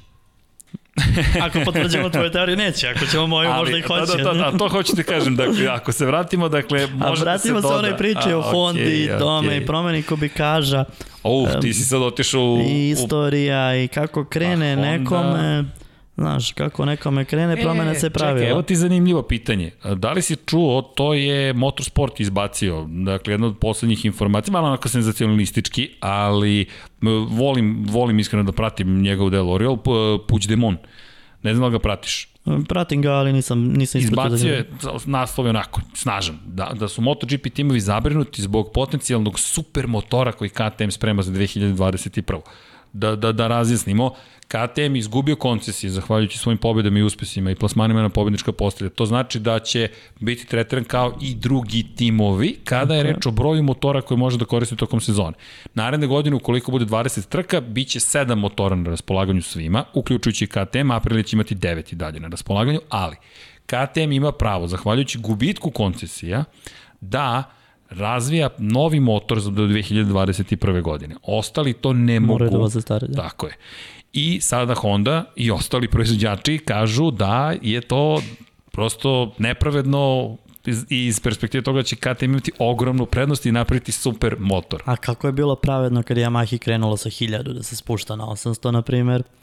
Pa kako je bilo prav, ovaj, pravedno kad je Yamaha krenula sa 800 da se diže kubikaža? Pa ka, Honda je, izvini, ukinula i 125-ice I dvotakne 125-ice. i 250-ice dvotakne. upravo, To je Hondin bio zaista Ideja, Ideja, projekat. lobby, ceo projekat, Projekat, tako, tako je. Ironija je da je Hiroshi Yama doneo poslednju titulu, 250 kubika, ali to je Ali Hiroshi. to je- da, da, to je- Mi je drago zbog Yama, to je star ali motor. bio. vidi, to je, mislim, pogledajmo stvari realno, e, kroz istoriju. Mislim, pot, samo hoću da potvrdim svoje, svoju tvrdnju, Ne- nisu to neke činjenice, ali... e, Dobro, to je tvoja pogledaš teorija, Kako to je kreneš, okej. tako je teorija, tvrdnja neka. Kako kreneš kroz istoriju unazad, kako je Yamaha krenulo, tako su se menjala pravila. Dobro, Honda ima, je imala mnogo veći uticaj ranije. Tako. Sada sa šest proizvođača, MS, postoji nekoliko organizacija, MSMA, Me, Motorsport Manufacturers Association, mm. dakle Motorcycle Sporting Mo, Mo, Manufacturers Association, udruženje proizvođača sportskih motocikala i u njemu su svi proizvođači u Moto Grand Prix. Dakle, Aprilia, KTM, Yamaha, Suzuki, Ducati i Honda. Honda je ranije imala mnogo manju konkurenciju. Dakle, pre svega je Yamaha bila ta koja je bio glavni konkurent, Ducati je ušao u šampionat 2003. i odmah nije imao ogromnu moć, Do 2010. sticao je polako moć. I Casey Stoner tu dosta pomogao titulom. Do nije njega to. Da, da Ducati je tu dosta se pomerio, da, da, pa onda izdigao se. Audi koji kupuje Ducati, pa dolazak Luigi Dalinje. Da, pa Gigi je dolazak je zapravo tu najviše i dopre. Najviše doprinao, jer Gigi je otvorio softver e, svima, Da, svima. i otvo, odveo je u to vreme, to sad više ne postoji, u takozvanu otvorenu kategoriju uveo fabrički tim Ducatija. Da. Da. Čekaj, on je otvorio, on je fabrički Ducati rekao mi otvaramo naš softver i našu elektroniku. I postigao je nešto što je klasična startup filozofija, kao hackathon da si napravio. Tako je. Evo vam otvoreni softver, ovo je naš softver, ovako mi pišemo softver. I svi rade za tebe. I svi rade za tebe. A za Honda ne radi niko jer je zatvoren, Tako je. za Yamahu ne radi niko jer je zatvorena, onda Magneti Marelli, to je Magneti Marelli, predobijaju e, ugovor za Informacije. ECU i oni imaju sad jedinstveni ECU koji, ko je radio sa njima? Ducati. Ko najbolje poznaje elektroniku? Ducati. Dalinje je igrao šah. Što kažu, ostali su Rizikovao igrali na jedno mice. mesto. Tako je. To je to. Ali dobio i, i sad, tu, e sad, Carmelo Espaleta ne igra samo za Hondu. Carmelo Espaleta je na tasu. Igra za biznis, ma, Tako je. tako je. I kad je Honda postala previše jaka, on je rekao, je tako, uvodim CRT-ove, podržavam Ducati, de facto je podržao Jeste, Ducati nema šta. i oborio Hondu, koja je onda morala da napravi kompromis i kaže, ok, mi pristajemo na promene pravila, koja nas dovode do današnjeg šampionata gde ako zaostaješ jednu sekundu, ti si, ti si Nema te- 19. Da, 20. što je došlo zahvaljujući činjenici da su ostali proizvođači rekli i čekaj, mi sada moramo da damo najbolje motore. Pa pogledaj Mahu, pogledaj Tech 3. Ajmo kratko, Tech 3 sa istorijskom pobedom. Tech 3 posle 20 godine je pobedio. Tako je. Kada je prešao u redove KTM? Kad su Yamaha dobili nije... fabričku podršku. Tako je. Yamaha nije htjela da ih podrži. I to su napravili takvu glupost da je to... Pazi koji gubitak si ti pod- dobio. I to na dva mesta. Svog najvećeg... Spo... o- Monster je Pon- ogroman sponsor bio Tech Trojke. Tako je. Red Bull je sada sponsor Tech Trojke. Imao si Yamaha, dobio si KTM. Tako je. I sad KTM pojačava se moć. Ti odjednom imaš četiri pobednička motocikla potencijalno. I vozače, a uzao si vozače koji su dobri, ali ne najbolji. I šta si im dao? Dao si im Red Bull ringe, on ti trenirajte. I doveo Pedrosu. I doveo Pedrosu. I doveo, doveo Danija. Ali, ali vidi, ja mislim da su u svim kategorijama svi KTM Red Bull vozači spava, živeli na Red Bull ringu. Između ostalo. Mhm. To se videlo na ovoj traci. Ali kako ti izgleda njihov novi RAM? Ajde, ne priča se dovoljno o tom o ramu, prosto toliko smo oduševljeni trkama, ni ne stižemo tehnički aspekt da Ali pokrijemo. e, baš sam skoro nekom, baš na tokom trke sam nekom objašnjavao. Pogledaj KTM motocikl. To nije motocikl. Vidi, tu nema rama To je klasično. neka tvorevina koja podsjeća na motor zato što ima dva, dva točka otprilike. Ali e, totalno drugačije izgleda nego motocikl Kada pogledaš Yamahu, pogledaš Hondu, Čekaj, to pogledaš je jedna, šta je ono, jedna cev.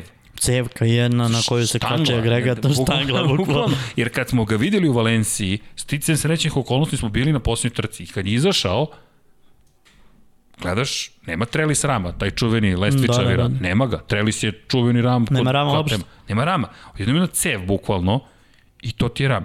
Znaš, znaš, znaš šta me podsjetilo? I to mi je žao što Ducati to nije nastavio. To je prestalo u Ono Elegant kad su imali samo vrat i... i, motor da, da. i ti na blok motor, ti, bu, kačeš vrat na glas Kačeš, i kačeš dole, da. ti dole kačiš zadnju viljušku, napred v- vile prednje staviš gore na glavu to je motora to. i ti imaš pod neke subframes, tako su ih zvali, Tako pod je. ramove. I to ti je to noseći ojačava element. samo tako. Tako je, noseći element ti je motor sa unutrašnjim sagorevanjem. Što je... Pa, ne, Što je, neko moje što je pa posle Panigale na, postao. Jeste, ali to nekako prekosiš zakonima fizike. Ali vidi, Stoner je s tim pobeđivao. Jeste, jeste, nema šta, ali... Ti gledaš onaj motor i on dečko pobeđuje na tome. Pa vidi, to ima, ima jedna lepa rečenica u, u Rosijevoj knjizi. Kaže, dok su gledali, kaže, ono, bori se, ko je tada vozio, valjda Belis je vozio, ono, bori se, sve, kaže, oni sede ovako i gledaju, kaže, a na kompjuteru piše da im sve radi kako treba. E, to je to, oni su prvi krenuli sa tim razvojem, Yes. ovaj, sa kompjuterima. Yes. I generalno prvi su uveli elektroniku, prvi su I uveli... ugljenična vlakna. I ugljenična vlakna, da. Oni su to dosta Jednostavno, govorili. oni, Japanci su kaskali za time, pogotovo Honda. Mislim, imaš, čitao si knjigu, verovatno. Da, da, si- da, da. onaj deo kad kaže e, u Hondi si imao dva analogna sata. Obratomer i brz, brzinomer. Pričamo o 500 ticama, dvotakne. Jasno. NS arkama. Tako je. E, on prelazi, odnosno ne, to je već prva hiljadarka četvorotakna.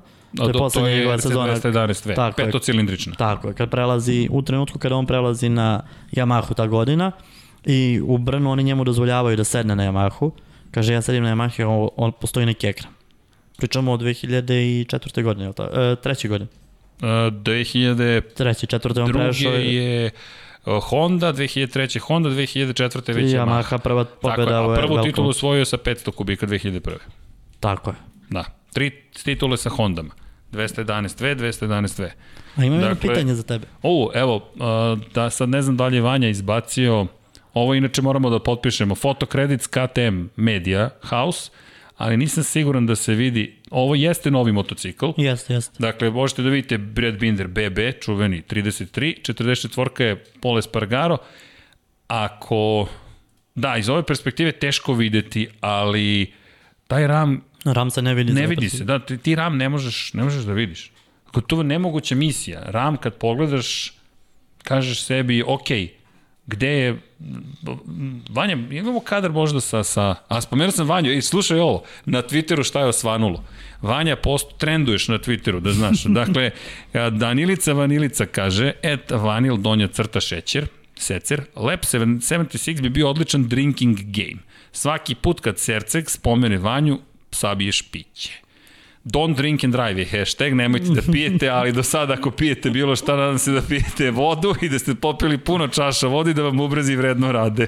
To je samo dokaz da je Vanja vredan. Čega ti Vanja, toliko vredno, vidi, spominješ. vidi kako Juri, razumeš, izbacuje Ali ovde nam treba fotke. samo e, sam Ram ako ima Sam negde ram, Vanja. ne može, ne može. To su, vidi, to su promotivne fotke, smemo da ih koristimo, ali daću ti Vanja pristup medijskoj biblioteci KTM-a bolju i za sledeću emisiju ćemo da spremamo. Moramo da odvojimo jednu, jednu emisiju da uporedimo ramove i motore. V4 koriste inače pod uglom od 90 stepeni i Aprilija, i KTM, i Honda, i Ducati. Od šest proizvođača, četiri su na V4-kama i dosta se sada priča o tome i o Michelinovim gumama koliko je problem za, za Suzuki i Yamahu koji jedini imaju redne četvorke, zato što se starije Michelinove gume, imate baš lep tekst na čini mi se, nije na motorsport.com, ali sjetit ću se, gde, mislim da je baš Oaksley pisao o tome, dakle, gde kada preopterećujete prosto, m, s obzirom na činjenicu da na veće tvorci želite što brže da podignete motor i koristite srednji deo gume, dakle, taj edge grip ne, ne koristite toliko, Da. a to koriste Suzuki i Yamaha. Šta je bio problem sa starim Michelinovim zadnjim gumama, što su bile previše mekane i pregrevale su se. I to je taj čuveni proklizavanje, proklizavanje, proklizavanje, proklizavanje. Sad danas su tvrđe, ove godine su tvrđe i već se vidi napredak. Ali opet ve četvorke u Austriji su bile ne, ne, nezaustavljive. Mada Ma, Ma da, da. Suzuki, da, da. kako je išao Led- u a, krivinama. a kažete mi što ti misliš o Aprili? O U stvari aprili, imam dva pitanja za tebe. ajde, Prvo je udri, Aprilija, udri, udri, udri. prvo je Aprilija Dobro. a drugo je e, prosek godina najbržih i u Moto2 i u Moto3. Prosek... Da li provaljuješ koliko se prodigla granica, Podigla koliko su se granica, matori ali isplivali? I se sećaš šta smo pričali prethodnih godina, da meni je makar bilo žao, iako je sada trasiran put, klasičan put, ideš Moto3, Moto2, Moto Grand Prix. Tako to je. je put kojim ideš. Međutim, ja možda patim, ne patim za starim dobrim vremenima, ne verujem u to, ali svako vreme je dobro na svoj način. Ali 250-ice, krajem 90-ih godina prošlog veka, ta srednja klasa, meni su to bile najbolje Najlepša, trak, najlepša klasa. apsolutno najlepša klasa. 125-ice, Sve to bilo na, na, na mišiće, na, na, lutrija. na, na, na, na, tu nema ma- mozga, mislim, pogledaj sebe sa 15 godina, sebe sa 20 i sebe sa 25. Zašto se Rossi izdvojio tada? Pa kako da zabeleš 11 pobjeda u 15 trka u 125 kubika? To znači da ti nešto znaš što drugi ne znaju. Zreliji si, verovatno, i to je to, I- nema šta. I, I on je fantastično vozio. Ali 125-ice su uvek bile malo lutrija. 250-ice? Ne. To se znalo. To, da. Max Biaggi, Ralf Waldman, e, Tetsuta Harada, Tetsuta Harada, m, Loris Capiros. Kapiros je vozio tada, i Baroš je vozio tada. Da, da, ali već je on tu Da. da. kombinovao 500. Išao je već u 500, da. da. već, već, već je odustao. Kasnije su se pojavili Dajiro Kato, Olivije Žak i, i, i Š- Šinjena Kano. Ali njih četvorica, kada po, i Žak, Žak se u jednom trenutku lepo I uključio. znaš da će oni voziti. Tako I je. znaš da će se boriti. I njih četvorica će biti tu i to je to. Ti znaš, ali to neće biti trka u kojoj, u kojoj su to četiri najbolje u jednoj slaboj kategoriji. Ne, to su četiri najbolja u super kategoriji. I sad, na, na što me to dovodi? Sam Lowe se vratio iz Moto Grand Prix. Tom Luti se vratio iz Moto Grand Prix. Ok, trenutno mu ne ide, ali Luti će se vratiti Ali bojice u, su se u igru. ubrzali, vidi. Jedna stvar. E, pređeš u MotoGP, ubrzaš se. Ubrzaš se. Kad se vratiš Moraš. nazad, ti si brži, automatski si brži na, na slabijem motoru. Jer vidiš... Drugačije vidiš stvari, Tako refleksi su ti drugačiji. E, tamo sam kod tebe slušao u podcastu ili kaže, e, kada padne e, neki rekord, recimo u trčanju, Da, na 100 metara. To smo mi pričali, E, da. to, to, to, upravo To to. je to. To, to je to, da vidiš da možeš. Kad vidiš da možeš, vozi Tako je. dalje. To Evo ti može. ga Binder. Prva trka, ja mogu da se trkam s ovim ljudima. Ja mogu da pobedim, okej, okay, evo ga, Ajmo. ajmo. I to je to. I koliko je. samopouzdanje utiče, on je siguran u sebe, pa on je, on je vozio manijakalno u drugoj trci u Štajerskoj. On je, na- Jeste. tu je pogrešio, Preterao. jer je video da može do pobede, to što je samo dokaz Olivira Esparga. Ako pogledaš, dva KTM-a su se borila za pobedu protiv Ducatija. Tako je. Dakle, mi ne govorimo o tome da smo imali jedan KTM, pa sledeći KTM je osmi, deveti. Na stazi gde je Ducati neprikosnoven. Ne, ne Da prikuto. mi gledamo godinama nazad samo Ducati u Prvi dominaciji. poraz Ducatija je zapravo pobeda Miguel Olivira. Tako je. Prvi poraz. I tu je Miller imao šansu. Da. ok, m, bilo je teško kad imaš trećeg igrača u celoj priči koji vreba svoju priliku, ali mudro... Ali kako je mudro organizovan. iskoristio. Fanta, fantazije, fantazije. Elem, e, da se samo vratimo, da ne zaboravim. Albert Arenas, najizvesnija kategorija će ispasti Moto Trojke ove godine. Tako. Zahvaljujući jednom Upornost. starcu Da, da, da, da. da. koji tu sedi. Ali Pa znaš šta je? dobro, on je jeste starac, on je 96. godište. 23, ja mislim. 23 godine, 24 To, će sad. 24, da, da. Vidi, za tu kategoriju to Pred- je stariji čovek. Pa njemu je vreme, a, da se razumemo jednu stvar. Rossi je u toj, u toj tim godinama imao već e, pet titula. Pa i on i Marquez. Pa da. To su, to su, zašto ih ističem uvek? Zato što su to ti posebni vozači. Jer ti sa 21, 2, 3, 4 ti već osvojiš titulu Moto Grand Prix. Ovaj čovek još nema ni jednu titulu, tek je počeo da pobeđuje redovnije. Hm, Tako je. I još jedna bitna stvar, ali to ne umanjuje vrednost onoga što postiže Arenas. Ako pogledamo Romano Fenati, Nema ga. nema ga, ne, ne A, godine, dobro, ra, Fenati Romano je Fenati je... E, posebna priča. Fenati je Janone za siromašne, mislim, to je, da okay. se razumemo, mislim, on je ono pokušaj da glumi divljaka, da na kraju nije više on nije ni taj gluma, talent. više nije ni, Andreja None je poseban talent. On jeste manijak. I s njim je problem što ne znate od trke od trke šta ćete da dobijete. Ali šta je radio na speed upu i šta je znao da uradi na Ducatiju, to stvarno... se I šta ne je možeš znao sve- da uradi kad je bio u školici?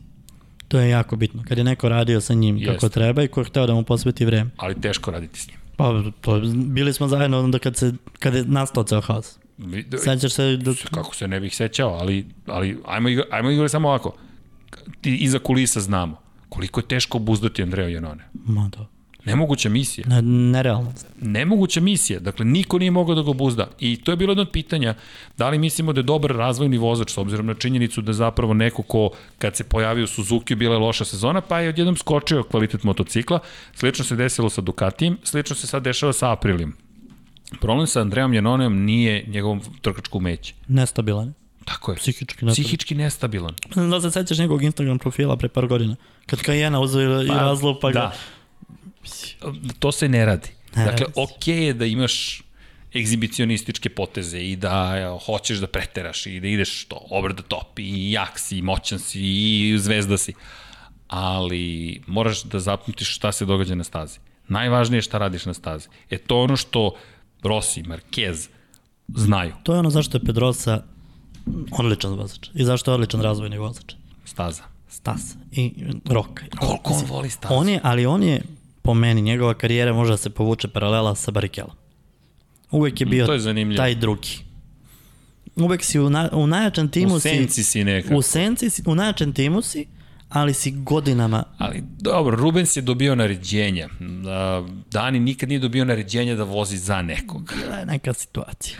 Koja, koja, koja? Bilo je, Čekaj, ne mogu da čekaj. se setim gde je bilo ono propuštanje, namerno, nenamerno, bila je ovaj diskusija na tu temu. Ali možda imaš jednu trku. pa eventualno, dobro, ali vidi, opet dokazuješ da si u senci. E, U senci svakako. E, I čak ne mislim, ako ako i dodamo i to, dakle to je puna senka, ako je zaista tako postupio, ali činjenica je da je uvek nekako m, imao, imao je podršku Honda, ali Honda kako vas podrži, tako vas i, ot, i otkaže. Tako i otkaže ljubav. Kao što je Rossi ostao bez ugovora, Nema... ti si šaf samo i to po njihovoj filozofiji. Tako je, filozofija je jasna. Honda pre svega, pa već su počeli da vrše pritisak na Markezom, dovođenjem i, ne dovođenjem Aleksa, otpuštanjem Aleksa, dovođenjem Pola Espargara, da. pa i dovođenjem Jorge Lorenza.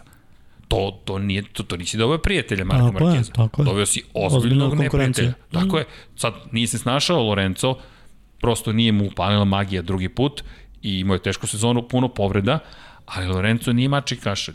Ali Honda pravi tu grešku, više puta u istoriji su pravili grešku.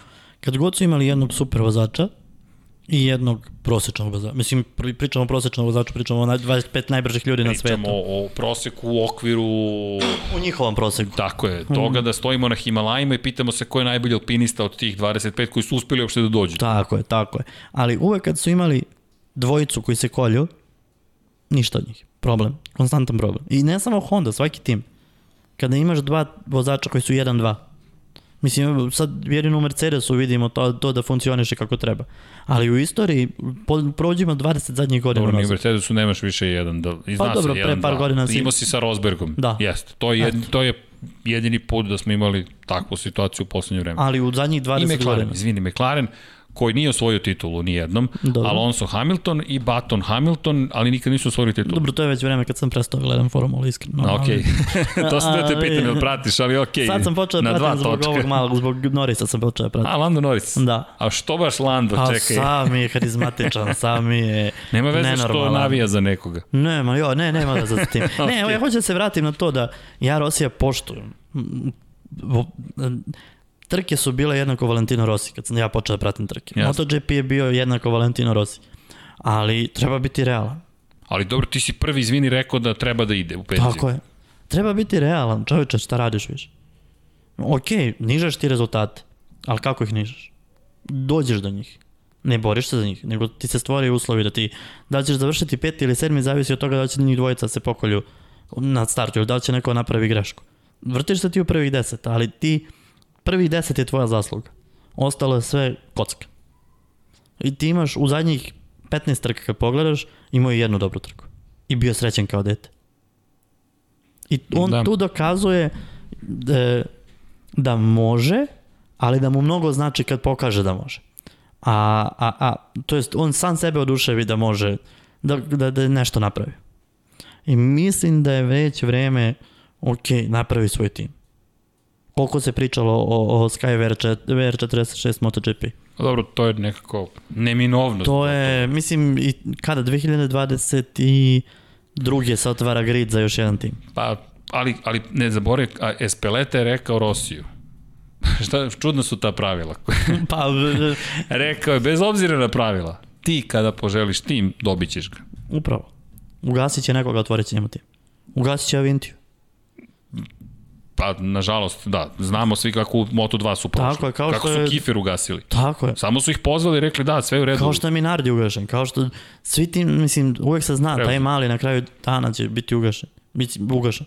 Njegovo, Neko će ga preuzeti. Njegove akcije će preći u drugo, drugo vlasništvo. Pa i E, to je Max to. Bjađi dobio priliku da uđe tako što, Što je je Max zapravo Bjađi? uz- udružio se sa ekipom, nije imao ulaz. Nije mogao da dobije Da, da, da, ulaz da. i na kraju došao zato što jeste Max Bjađi i rekao važi, jel ja mogu da vozim, to jest mogu ja da sarađujem, Etlovi su držali, će- otac Peter Etl Da. je držao tim i Max se udružio s njim, sad Petera više nema tu, Max ima dva No, vozača. On ga isplati i to je to. Pa da. I tu je kraj. Mali, mali, m, kako ste mali, mali ste. Nemate, Nije Mm, nema. pitanje pravde. Tako je, nema to pravde. To je jednostavno stvari tako funkcionišu. Mislim, u, u svemu u životu tako stvari funkcionišu. Da, ako ste čuli ovo, slušate, to, To smo... se ja igram ovde sa stolom. ne mogu ne držim. me. Da. E, Inače, na ruci na kojoj, izvini, ajde tu tetovažu da spomenemo. Evo. Šta, šta, tetovaža Weekend is for racing. Dakle, za oni koji ne znaju eventualno, i ove tri noge, to nije znak Sicilije, da on nije otišao na letovanje u Siciliju, već je to ostrvo Man. To je, da, čuveno ostrvo. Mislim, ova tetovaža ima svoju priču. Ovaj, promenio sam posao i jedini zahtev koji sam imao je da vikend ostaje za trke, ne ostaje za, ovaj, za radi. Od mene se zahtevala taj vikend provedem. Rekao, Johnny, imam ideju za tetovažu, možemo odmah da uradimo, može, kad dođe. I tako je tetovaža i nastala. Ovaj, ostrvo man kao mesto gde ću otići pre ili kasnije. Ajmo zajedno. Specijal. Ajmo, Ajmo. ajde. Ajde, ajde se da vidimo sledeće godine ako se ne, Ne, možda poklapa. već kasnimo za sledeću godinu. Znači, za 2022. smo okej. Ali kad kažeš da odeš, kako da odeš? Da voziš? Ne, dok Ne, gledamo. okej, a što kasnimo? Kasnimo zato što su trajekti rasprodati. Trajekti su rasprodati. Da. Avioni i trajekti su rasprodati. Mhm, okej, ovo je logistički problem o kojem nisam razmišljao. Da, da, moram da, ti problem priznati. postoji. Najlakše stići do Londona. Mislim, ajde, vizu ćemo Pa vidi, dobiti. tamo da zaglavimo nije tako, nije tako loše. E, nije postoji, tako da jedna, ćemo. postoji jedan način koji može da se ode, Dobro, a, a to je da se rentira u Londonu e, trotinet, trotine. Pa, pa da se onda na feri ide kao, kao pešak. dobro, moramo baš u Londonu da Pa dobro, rentiramo. mislim, dobro. Ajmo da se dovezemo u do Britaniji, severa u gore. Britaniji sve jedno, ali, Za trotinet. ali ovaj, trotinet da rentamo. Znači, Dobro. renta karom ne može da se ode, motorom ne može da se ode. Dobro. Jedino postoji mogućnost, mada i to je sad provaljeno, da se A rentira bicikl? trotinet. Ne može, zauzimaš mesto za vozilo. Mhm, znači, trotinet. Dobro, električni skuter. Mm, Možda bi mogao proći. ali tad ulaziš na feri kao pešak i tad još ima mesta. Okej, vidi, sna, aj, vidi pešačićem. Pa peša, pešače smo po brnu. brnu, a ne... Dakle, a, čekaj, da li sam odgovorio na pitanje? E, prvo da, Aprilija. Aprilija, šta za Aprilija? Otkud njih? Otkud oni odjednom? Otkud oni odjednom? Da. Ja mislim da tu postoji par, da postoji par stvari. Prva stvar da je Pjađu grupacija rekla, ok, ajmo da se mi ovim malo zbiljnije pozabavimo, to podrazumeva budžet ili ti je. novac. Dakle, da neko je rekao, ili ćemo da igramo igru ili se povlačimo iz ove igre. Da se povuku ponovo je već problem. Drugo, potpisali su ugovore i rekli bit ćemo tu do, do, u dogledno vreme, ali ti dolaziš u situaciju da KTM s kojim si se borio za poneki poen, sada beleži pobede, da, da bukvalno te Ne, ne, oduvao. on- Dakle, nema ih. Potez tvoje ruke je jasan. Oduvani su. I sad Aprilija, koja ponovo je poslednja, šesta, i to ubedljivo, mora, to je moje mišljenje, mora da kaže, mora nešto da pokaže. N- Ne može više da bude, pa tu je neka, Aprilia nije mala robna marka, mi ne Pa pričamo o nije. bilo kome. Mi ni pjađu grupacija nije bilo ko. Dakle, koliko god možda Aprilija nije toliko popularna kao što je nekada bila. To je dalje Aprilija. No ja. To To je Mislim, veliko. Aprilija, da se razumemo, Aprilija svoje poslovanje bazirala na MotoGP-u. Na 125 i na 250. 125 i 250. Koliko su koštale rentiranje njihovih motora? Da zaboravimo ovaj paljenje pestotkice, ali do, o, hiljadarka, šta je bila Cube, ona, da. Dve trojke kad je skočio Colin Edwards u Nemačkoj. to, ćemo, za- to je marketički, to je, to je krizna situacija, ajde, to ćemo da zaboravimo. Čovjek je, ali preživeo je, vidi. Pa, vidi, sve je u redu. Skako je vinjalec, pa svi zaboravili. E, b- Da, doći ćemo i na to. Nije mu gorela Yamaha, ali nije ni bila Ali je daleko. skakao. Ali, Na kraju je gorao. da, ne, ne, Aprilia, lepo si rekao, zasnivala posao. E, Izvini, rentanje njihovih motocikala je bilo preskupo. Tako je. Ceo biznis jeste bio zasnovan tu. I onda, Oni su razvijali, tu, tu cvaju su oni razvijali baš s tom namerom. jesu. I šta imaš na kraju? Na kraju imaš brdo replika na ulici. RS-125, Jeste. RS-250, RS-50. I ti imaš klince koji kreću da voze, šta im je jed- najveća želja im je da kupe RS-50, 125, 250, koju već, ovaj, od, zavisno od godina. Ti imaš komercijalni biznis, trkački biznis. Firma ti posluje na tom, na tom postulatu. Kad si posljednji put pobedio? Prošlog decenije. Da. Pretprošle sad I... još malo. Pa, pretprošle, da. Da. I dolaziš u situaciju da te više nema zapravo. A nemate ni tvoje klase, nema. Tako je, koju ti je Honda ukinula, Tako de facto. Je, tako je. Ali vidi, imam još jednu neku manjko nelogičnost. Tebe nema ni na uličnim motociklima. A, Imaš jedan model koji je već sad poprilično star. Ti si ga imao u, u Superbajku, ok, vozio se, ti si ga promovisao kroz Superbajku, super. s Maxom Jađim. Tako je. To je ozbiljna promocija bila, bilo je peglanje sa BMW-om, ozbiljno. Jeste, jeste. I one pro- prozivke kroz reklame i sve. I šta onda dođeš u koju situaciju? Dođeš da tebe nema nigde, a nema te ni na ulicu. I što ti investiraš uopšte u MotoGP? Ako, znaš, da li je ovo slučajnost, ovi rezultati koji se dešavaju? Ja mislim da nisu. Massimo Rivola. Massimo Rivola mi je druga stavka. I to stalno ponavljam. Ferrari ga nije hteo. Tako je. Nije hteo da ga napredi. Evo, dobili su Binotin, Binotovu eru. O, ovo je... Ne, sramota više nije adekvatna reč. Apsolutno nije... Ovo je, ovo je strava i užas. Ferrari, bez obzira na sve igre, e, ajmo o zakulisnim radnjama. Da li ih ima? Apsolutno. Da li je Mercedes povukao poteze iza kulisa? Jeste. Sve koji su mišli korisni. Pa to mu je posao. Kao što Ferrari mora da ih povuče i povukao je. Zanimljivo, Ferrari se izborio za svoj dodatni budžet, legacy budžet, budžet za veštanja, Da, da, da. izborio se za novac, ali se ne izborio za neke druge stvari. Ko zna koji kompromis je napravljen. Možda su i rekli važi, mi ćemo ovo, ja to ne znam, ali kako funkcioniš Pustit ćemo ovde, ali da imamo za plate, Tako je, naravno. kao Honda, popustit ću ovde, ali ću dobiti ovde. I to je sada isto igranka KTM, sad oni vrše pritisak na KTM. Tako je. I do, do čega još dolazimo? Apropo Rivole, sad do- odbijaju Rivolu, dobro, pričat ćemo, nadam se pa i ja o, o Formula 1 detaljnije, zaista je bila sramota gledati iz perspektive Ferrari, gledati Spa, a s druge strane potpuna briljantnost i dominacija Mercedesa i Lewisa Hamiltona. I mislim da ću da promenim ploču od sada, da ih počeću da ih hvalim, zato što dolazimo sad već u istorijsku eru. Mercedes sada redefiniše Formulu 1. Da, ovo je već... Da li je dobro ili loše, to je nešto drugo. Ali ovo je redefinisanje. Ali ovo je demonstracija sile. Ovo je Apsolutno. više- Ovo je, gazimo vas do kraja. Tako, je, uništavamo. ne Zapamtit postojite, ćete da. ovo. Zapamtit ćete, niko neće moći da kaže Hamilton i Mercedes da se ne seti ovog perioda. To će da bude kompleks za sve ostalo. Mislim da je to, da, da, da su došli do te ideje, da je sada paradigma Šta, ali Sto- šta Ferrari da uradi u ovom trenutku? ne znam, ali da promeni Binota svakako, to znam. Da. Da, da, da, od toga treba da krenu, Tako da. je, a pričali smo o biznisu, o menadžmentu. Evo, Massimo Rivola nije dobio šansu. Čovjek je vodio Toro Rosso kada je Vettel zabeležio onu jednu jedinu Tako je. pobedu. Vodio je Ferrari u trkačku akademiju, bavi se ljudima, odlazi u Apriliju i kad je prešao Apriliju rekli smo ovo je, ovo je velika stvar. Jer ti postavljaš izvršnog direktora, sklanjaš Albesijanija na poziciju tehničkog direktora. Albesijan je čovek, to je ono što je meni fenomenalno. Kada smo bili na testovima prošle godine, Aprilija se raspadala. Igore, raspadala. Albesijano je tehnički direktor. On je ispod, on stavlja, on prazni karter, dakle on stavlja kadice, skuplja ulje. To je tehnički direktor Aprilije. Razumeš, to, to, Ali vraćamo se na onaj deo, ne treba on to da radi. tako je. Ali, Gde je on da, u, u analizi podataka? e, tako je. I onda dolazi Rivola i kaže, ne, to se tako ne radi. To se tako ne radi. Ne možeš ti da budeš izvršni direktor, tehnički direktor, mehaničar i sve ostalo. I vozač i sve. To je, nemoj pogrešno da shvatiš, kao ti i ja sada kažemo ajmo, ajmo vidi nama lepo zabavno, ali to nije pitanje lepote i zabave. Umeđu vremenu u Hondi zna se ko šta radi. Ne, neko na kraju dana gleda taj roj. Na kraju dana. Tako je. I gledaš i reputaciju, jer za april je ovo katastrofalno. Mm. Tako je. Sada već nije, sada već su su počeli Dižu su, se po- malo. tako je, i mislim da je tu Rivolo radio veliki posao. Ali opet, pazi sad probleme. Evo zašto ja ne bih nikad zaposlio Andreja Janone. Bez obzira da li je kriv za doping ili ne, kako uvek Andreja Janone uspe da se nađe na pogrešnom mestu. Kao i Fenati. On operiše usta pred sezonu i dobije infekciju usana jer je hteo botoks da stavi u usne i ti gubiš svog čoveka. za- Pazi, rečenica mi je Zamisli Beriju Šinu da kažeš. I, i ne, me- meni je sve okej, nek stavlja ko šta hoće, botoks u čelo, u obraze, šta god. To je svako sa svojim telom neka radi šta god hoće. Ali ajmo poslovno. Zamisli Beriju Šinu da kažeš, ej Beri, može botoks, pa ćemo onda malo pauza, pa ćeš da voziš motor. A nema teorije. Važi. I da se vratimo na Pedrozu i sve ostale. Staza pre svega. Pa sve ostalo će da dođe na svoje. Evo mesto. sad si ti malo lupo. No, lupo sam, jesam, udaram po knjigama.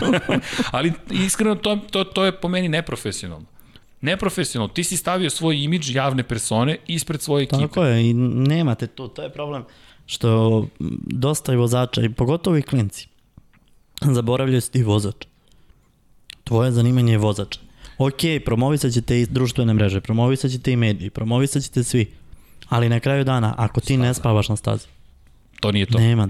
Pa, Ja tweetovao sam ti o, o Andreasu, da, McLeod. jesi. E, ja znam slučajno priču. U Mađarskoj je radio, imao je svoju akademiju i radio je sa Mišom Milovanovićem. Izvini, za one koji ne znaju, McLeod je da, da, da trofeje na velikom nagradi Štarski i veliki nagradi Austrije. Tako je. Čovek koji je u Superbike šampionatu sveta pobedio na Red Bull ringu pre 17 Pre, godina. da, da. I bio drugi dve I godine vozio je kasnije. IDM, bio je neprikosnoven u IDM-u. Nemački šampion tako u je, motociklizmu, tako je, samo da napomenemo. I legenda je iz perspektive onih koji gledaju i van svetskog prvenstva. Jeste, i to je jedan ozbiljan vozač koji je radio dosta sa Mišom Milovanović, našim vozačem. I e, znam slučajno priču da je on e, živao, nisam siguran na kojoj, Mađarskoj, u, na kojoj stazi u Mađarskoj, ali čovek je imao svoj stan, apartman je imao na stazi i on je živao. Ujutro ustane, trči po stazi, trenira i šta radi? Palimo motor, idemo trening. I to tako funkcioniš, tako je njemu To ti je svaki dan. život. On je vozač.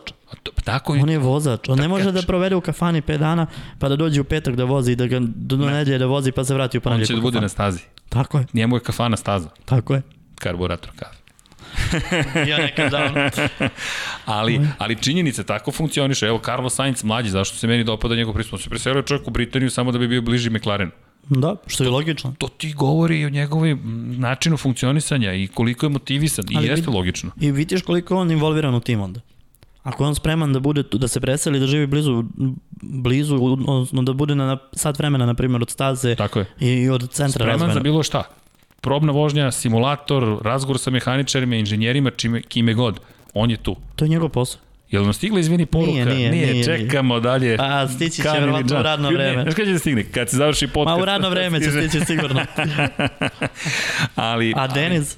A, Denis, da. Šta sa Denizom? Denis... Ne, za mene su njih dvojica najveći promašaj. Uvek sam, uve, umeo sam da prepoznam ko će nešto da uradi u karijeri. Ali ja mislim da njih, izvini, sad ti me ispravi, bolje ih poznaš. Mislim da je ključni moment kod njih odsustvo tog skoka iz klubskog takmičenja u svetsko prvenstvo. Šta je meni bilo indikativno? Sad možda ja previše tumačim. Prošle godine velika nagrada Australije.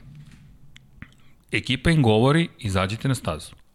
Njih dvojica, tad su zajedno bili, odbijaju da poslušaju austrijski tim. Jedan KTM, jedan Red Bull KTM Ajo, sa Akim Ajom, čuvenim finskim menadžerom, i kažu ne, mi čekamo da neko prođe i onda ćemo da ga pratimo. Pazi, to ima toliko implikacija loših po njih, da je to zastrašujuće. Ti odbijaš direktno naređenje svoje ekipe. Ti si prekršio dogovor. To je, to je već kraj. Što se mene tiče, to je kraj. Tako je? Mi smo se nešto dogovorili. Imamo ovde telefon, čekamo poruke, čekamo, Čekamo pa onda da malo ih malo zovemo. Da, da, skladamo. da. Ali, dakle, ti odbijaš direktno naređenje svoje ekipe. Ti odbijaš direktno naređenje jednog od najvećih timova u šampionatu koji je... Tvoje mesto svako želi, da se razumemo. Ceo grid želi tvoje mesto. Ceo Red Bull ruki kup želi tvoje I mesto. ti njima kažeš, i ti, ali pazi sad ovo, to je, to je meni još veći prekršaj. Čak i da niko ne želi to mesto. Ti svom nadređenom, kog si ti prihvatio kao nadređenog. Dakle, ni- ne zastupam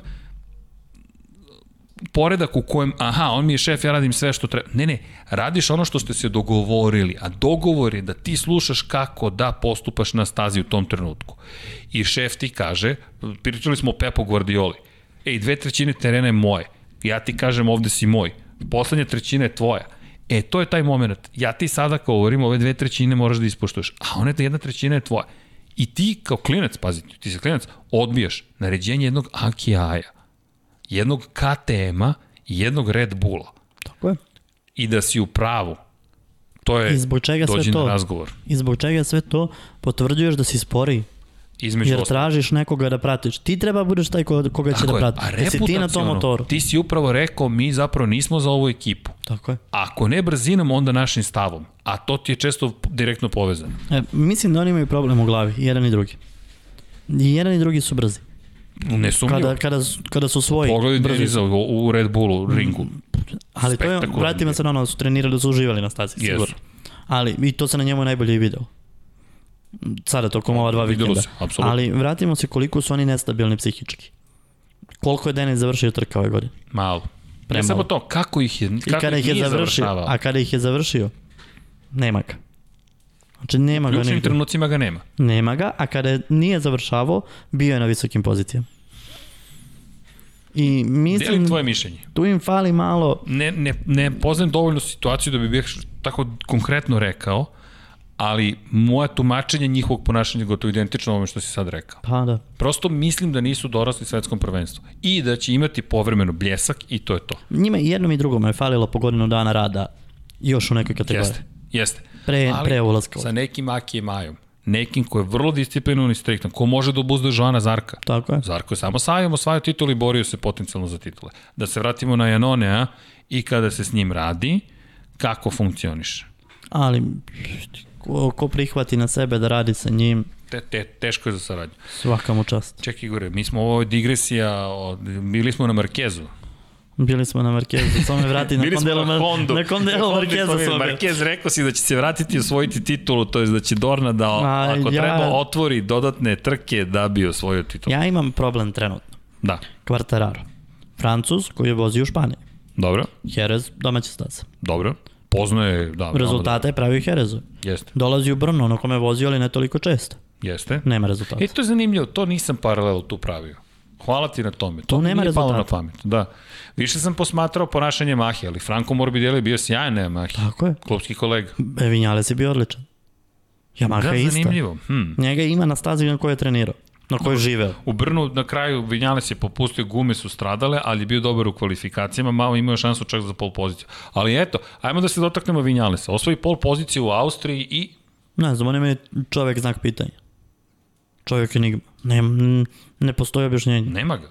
Ne, on čovek, Osam poena u tri trke. n- n- Ok. ne znam šta radi. Uključujući onaj skok, ono je strašno. Dobro, ono nije bila njegova greška. Ono ne, ono je. Ali sve ostalo pre toga je njegova greška. Ne, nema ga, ili ga ima koji doviciozo. Tek za njega nemam komentar. On sve trke koje je završio na dobrim pozicijama, od svih trka jednu trku zna zašto je završio kao pobednik. Od pet trka. Od pet trka. I bio Ovo, Ovo... treći u Herezu, koje mu se što desilo. To mu se niko desilo. nije očekivao. To mu se bukvalno desilo. On nema pojma kako, ni kriv ni dužan da stvorio to. Dobro, bar, bar si direktan s rečima. Pa jesam, nema šta. To Ali volim mislim- kod tebe. Ne, Nema, ali nema. on je odličan vozač. Prošle godine je pokazao koliko je dobar vozač. Ma vidi, svi su oni odlični Ma, vozači. ali, eh, To- ajde Ali u kažemo, svi su toj na 100%, konstelaciji, okej. svi su na 100%, on, on, prošle godine on bio na 101, Marquez na 103. Da tako, na, Okej. postavimo stvar. Lepo si postavio. Ako je norma stotka, pa- Ako je, no, ako je norma za GP stotka, on je bio na 101, oni su na 103. On je, nažalost, na početku ove godine bio na 99. jeste, nije I bio samo dovoljno se visok. vadio na, na, na Ducati. Pa opet Brno, pogledaj Brno, 11. pozicija ti imaš u Brnu. Tako je. To ne možeš na Ducatiju, to ne, mo ne možeš sebi da dozvoliš. Da imaš tri pravca, ozbiljna pravca na, du- na, na ubranu. A ko ti je na pobedničkom postolju? Zarko. Zarko. Za, tako Da, da, istim ti Ducati, Ducati, sa može. starim Sa Ducati. starim Ducati. Znaš, to je, imamo taj neki problem, taj e, Quartararo. Isto je, vratimo se pet godina unazad. Kada Pazi. je promenjeno pravilo zbog njega, Jeste, Kada je sve- Quartararo pravilo čuveno. tako je, ti ga im, dovodiš ga u, u moto trojke, kako je sezona odmicala, tako njega nije bilo. I- Izvini, to je ono što smo rekli na početku, Onžu je dobio priliku da vozi kao svač Red Bullovog kupa Novajlija, Tako je. ali je pravilo promjeno zbog Fabio Quartarara kada je osvojio titulu u šampionatu Španije. Tako u ceo, da. Pazi koliko je Quartararo zapravo uticajan. Quartararo i Honda, koji, čiji je bio štićenik, koji osvaja prvu titulu u cevu, zatim osvaja drugu titulu, ali tad je već bio u Monlau kompeticionu, Tako je. to jest kod Emilija Alzamore, to jest kod Estrelja Galicije, to, jest kod, Honda, Honda, da. tako je. I Honda kaže, on je mlađi od 16, ali od sada Dorna uvodi pravilo, ko osvoji titulu šampiona Španije, može da vozi mlađi od 16 godina na svetskom prvenstvu. Onda se ovu Nemci i kažu, a zašto ne može IDM? Onda zovu Italijani, a zašto CIV ne može? Naš Tako je, tako je, šampionat, jer to je sad na nacionalnom nivou. Dorna kaže, ne, to je od sada svetsko juniorsko prvenstvo. Odjednom Honda ti menja, evropsko, evropsko takmičenje ti gla- Honda menja. Da, i, a, a Moto2 šampionat Španije postaje šampionat Evrope Moto2. Tako je. Po kojoj logici? I to sve Quartararo i Honda zapravo I vraćamo se na onu moju teoriju. tako je. Kao što se vraćamo, lepo si povukao paralelu sa Mercedesom. Ok, Jer, Razumem. Jer trenutno Mercedes najjači. jest. Jer trenutno Mercedes postavlja pravilo. Jeste, ali pogledaj, Honda je izgubila malo, izvini se što te prekidam. Ne, ne. Malo na uticaju kada je Triumph dobio ugovor za Moto2. Tako. Dok su bili Moto2, Oni su mogli da rade šta Ali god su to je hteli. zanimljivo, Honda je tu izašla iz ugovora. Meni to deluje kao da je iza, to bismo mogli priču da saznamo šta se desilo. Gde, gde odjednom Honda ne želi da produži ugovor, ne učestvuje na tenderu. Pazi, Honda nije učestvovala na Da, da, tenderu. Posle da. tri trogodišnje tendera Honda odustaje od tendera i Triumph dobija priliku i Triumph se jedini prijavio. I to sa čudnim 765 kubika trocilindraša, koji dobro zvuči. Dakle, To mm, ide lepo. Ide, to je lepa mašina. Ali Honda jednom od toga odustaje, što nije mali ugovor, to nije mala stvar. Ali ni Honda i, uticaj. i odustaje nekako i, i od uličnih motora od šestog To sam htio ti kažem. To mi Nema djeluje- razvoja, nekako m, nedostaje razvoj tog še, te šestotice. Da li oni Supersport. žele skroz da batale to, da li pa, Pa, i ako pogledaš Superbike, šampionat, njih nema, ni- mislim ono. da, jednostavno to nije to. Pa evo Altea, šta se desilo sa Alteom? Altea koja, koja, koja, Pa bila fabrički tim, koja su ugasila. da. Ugasili ljudi ceo tim. Što je meni Ali- tragično. Kada sam vidio, meni je stvarno srce zabolelo. Altea, kogod je pratio šampionat, Tako slušaj, je, Altea ali- ne postoji. Ali jednostavno, mislim, para vrti Deburgio neće, to je... Otprilike, a COVID-19 inače. I Zavrtao Burgio vrlo lepo. Ozbiljno, da. Ali u svakom slučaju, da se, vrati, eto, Da se vratimo Quartararo. opet na Quartararo. Quartarara. Quartararo, on i dalje vodi u šampionatu. Quartararo vodi Bio drugi u Ima- Mizanu prošle godine. i 8 po, 3 poena razlike. I bio je iza Markeza, ali vidi, bio je i treći u Austriji. Bio je. Šta ćemo s Yamahom? Hajde, šta ćemo s Yamahom? Pa Kako ti Yamaha. gledaš ovu situaciju? Pazi, svi motori su im zapečećeni. Dakle, samo još jednom za eventualno koje prvi put prate. Pet motora imate ovaj na raspolaganju po vozaču.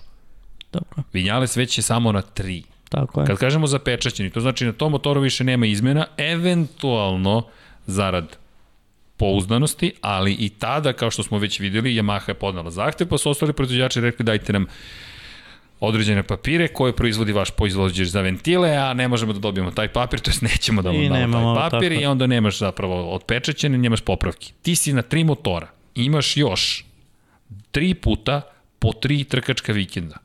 Devet trka, Znači, svaki agregat mora da ti izdrži još 3. tri trke i sve trening je na tim trkama. Tako je. To je gotovo nemoguća misija. Pa vidi, da li će se kockasti pa smanjiti malo snagu? I šta si onda dobio? U, ovo, u ovom, U ovom MotoGP-u. trenutku, u ovom trenutku ništa. A gde si onda? A kazna, ako staviš novi motor po motoru, ne možeš da sad uvedeš tokom jednog vikenda tri nova motora i jednom platiš kaznu. Tako je. Za svaki novi motor, start na sledećoj trci iz pit lane-a 5 sekundi pošto se upali zeleno svetlo. Igore, A, 5 sekundi posle zelenog svetla u ali- MotoGP. Ali sami su sebi iskopali tu rupu, Jesu. Jurivši Mm. snagu koju nisu našli. koju nisu našli, koji su išli su na, na kartu nepouzdanosti. Šta bi oni radili da se vozi cijela sezona? Ne znam. Što bi odustali na pola sezona? Vidi, i sa 20 trka, sa, sa 7 motora, ti ne možeš da stigneš do kraja s ovim. Tako je. I sad tu dolazimo do pitanja Quartararo. Ali Quartararo, Quartararo, ne znam, ja mislim da će on sad praviti sve loše i loše rezultate, iskreno. Ja mislim da neće pobeđivati. Pobede ne, pobede možda ako se vratim u Barcelona, tu ima neke šanse da se bori. To je opet teorija, poznaje staze, Le vozi je puno. Mans, da. Ali u ovom trenutku tako dela. Kako tebi osvaja titul? Pa, Ja sam ti rekao ko je moj tip već nedeljama. Ne bi me Jao, uopšte čudilo. Kad Brad Binder osvoji Sinoć smo titulu. pričali o Binderu. Ove, zanimljivo je da je Marko Stošić, ovaj Afrikanac, drugar moj, koji je vozio dole Da. da. u Africi, on je vozio sa Binderima.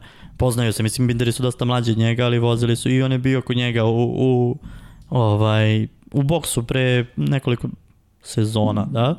I baš sinoć pričao, preksinoć, kad sam bio kod njih, Kaže, tražio sam da mi napiše na majici kad mi se potpisivao od šampiona, o, šampiona sveta Brada Bindera za Marka. Kaže, nije mi napisao, tad sad moram da idem opet da pokupim kao. Tako da i on, on i deli tvoje mišljenje. Ovaj. Brad Binder samo ima problem u kvalifikacijama. To je David Emmett super napisao kao komentar u Motometrisu. Onoga dana, kada Binder ovlada kvalifikacijnim krugovima, čuvajte To je se. to. Ma jeste, ali vidi još jedna stvar. Imaš KTM koji ima trkački gen. Ima.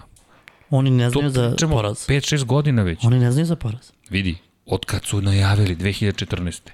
I ko papagaji pričamo.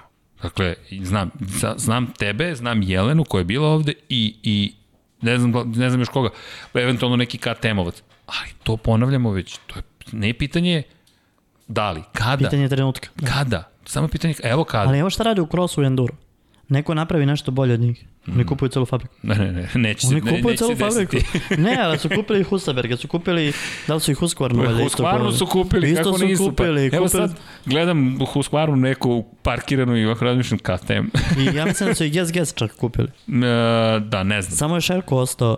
Šerko nije. Stvarno i... i, i Ja Guess mislim i Guess Guess da je kod njih. Guess. Zar- Mislim, nisam 100% siguran, ajde ispravit da će me neko Da Okej, ko, Dobro. ko se razume u tu tematiku, ali šta oni rade? Kupuju konkurente. Šta će ovde Da će da raditi? kupe Honda. ne, ali ajde da kopiraju. Kopira, pa kopirao si. Znaš, Honda si kopirao od početka do kraja. e, Ok, ali ne možeš, e, nećeš da koristiš Olins, je li tako? Ne, nego da ovo Olins, VP. jer vrlo dobro znaš da će Olins da da malo bolji Hondi, pa m- za nijansu loši Yamahi, pa za tri nijanse loši Čekaj, čekaj, ti sad otvaraš još jednu temu vrlo zanimljivu. Pa ne, aj, ne, ne, ne, izvini, izvini. Loše sam se izrazio. Nego da će e, ja, Olin dati najbolje Markezu, Vinjalesu, e, Doviju, e, ne znam, pet najboljih. Pa će dati seriju ispod, ne mogu oni da proizvedu svima isto. Da se razumemo. O, Budimo realni, ne Ovo mora- su vrlo ozbiljne reči. E, ja znam u nekim nižim šampionatima, već pomenutim, da se recimo Dunlop pojavi sa gumama bez oznaka i ako se vrtiš u prvih deset, kaže ti montiraj ove. Vidi, znaš na šta me vraćaš? Na knjigu Casey Stoner. Si čitao njegovu autobiografiju? Nisam. Toplo preporučujem.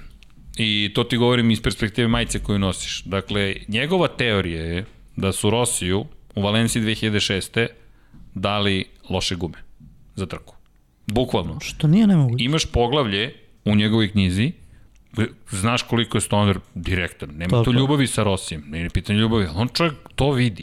Kad ti to kaže jedan Casey Stoner koji vidi mnogo toga i zna mnogo toga i ti onda kažeš čekaj da vidim šta se ovde zbiva. Rossi nikad se koliko ja znam nisam našao nijedan intervju gde se osvrnuo na to, ali to stoji u knjizi odštampano za pokoljenja. Kaže, prijatelju sad si došao u moj svet.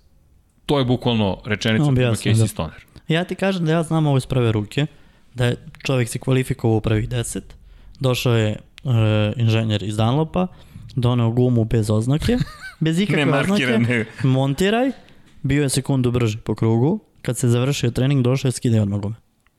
Ovo kad se završila trka, skidaj odmah gume, pakuje gume, nosi. To je to. Ne možeš ti da ih pro- testiraš da vidiš šta je. Sečeš, ne, vidiš, ništa ne možeš. Nemaš pojma, kaže, meka je kao žvaka, traje celu trku, bez problema, i on je došao posle toga i pokupio. Ok, Igore, daješ mi ovde zadatke sad istraživačke. E, kažem, e, ako su lagali mene, ja lažem vas, ali ovaj, to je nešto što ja imam kao informaciju i znam, mislim, budimo realni. Olins snabdeva 20, i- 20 vozača na, na gridu. WP, 4. O, WP može da napravi vrhunsko kao što Olins radi vrhunsko. Samo analizirajući njihove podatke. Olins je poprilično otvoren. Ja, na primjer, imam kao, upoznao sam u, u Austriji sam upoznao e, m, čak nije ni PR, neki media, media guy, neki iz e, Olinsa i iz Bremba. Meni pred svaku trku stiže poprilično otvoren graf e, kako funkcioniše, šta radi dovoljno je da uporede to sa realnom situacijom na stazi ljudi koji se time bave. Oni će vrlo brzo doći do toga kako to ogibljenje treba da funkcioniš. dobro, WP odradio ozbiljan- ozbiljan posao, ali ako pogledaš, oni su napredovali kako? Moto3, Moto2, MotoGP. Tako je, a sve to vreme pratiš šta radi Olins i imaš uzora po kome I Pa radiš. kupuješ, kao što si rekao, KTM kupuje. Kupuješ. E, Kupio si ljude. Ne znam da li znaš, oni su pokupovali Dolinsa veliki broj inženjera pre godinu i po. Nisam znao. A Bukvalno su ih doveli, šopovali, rekli ti, ti, ti, ti, ti, ti. Koliko god hoćeš. da- Tako doći. je, doći. I oni su došli, kupili su od Yamahe pre godinu i po takođe, došli su u Yamahine redove, rekli menadžeri, inženjeri, tehničari, ajmo. Tako je. I prošle godine, to je baš Oakley pisao, koliko su bili zabrinuti ljudi koji su iz Yamahe prešli u KTM, jer stvari nisu još funkcionisale. Čini se taj puzzle zvani Dani Pedrosa da je bio kritičan na kraju.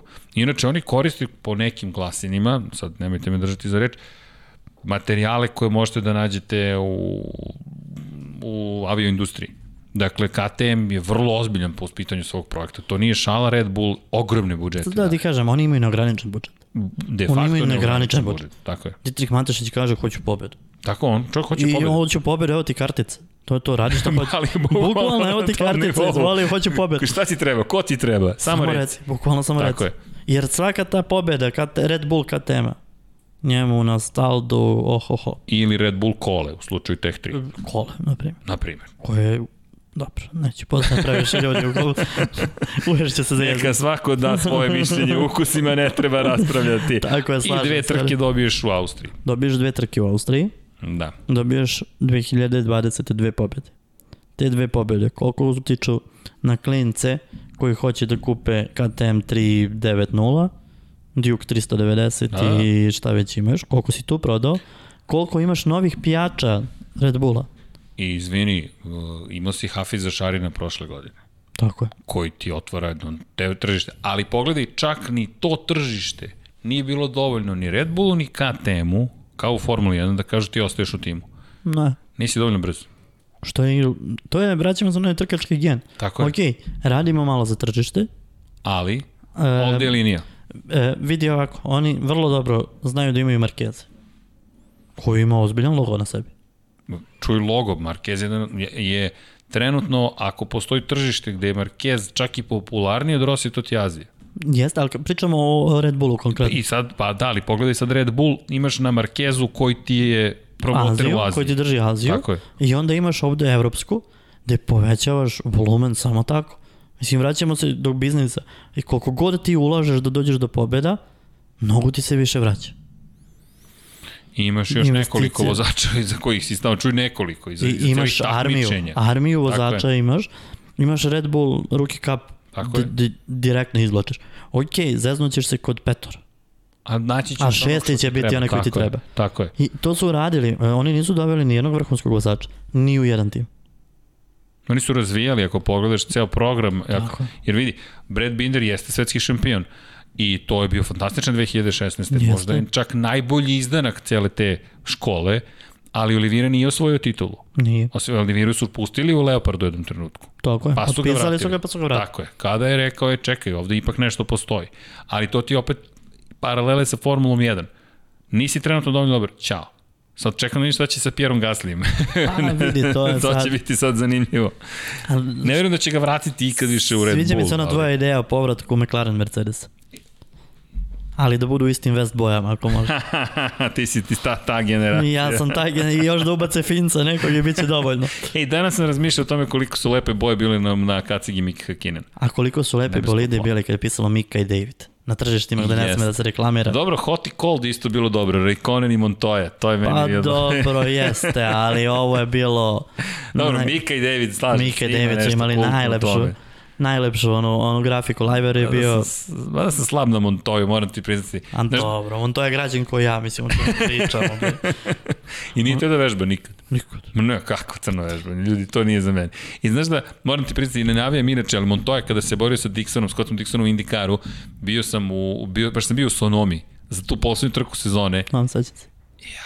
I samo sam razmišljao, ajde Juan Pablo, da stanem pod to, pod to pobedničko postoje, da proslavimo tu tvoju titulu, nije se desilo. Ali dobro, svaka čast Scottu Dixonu, A šta veliki kažeš da? vozač. za Robertsa?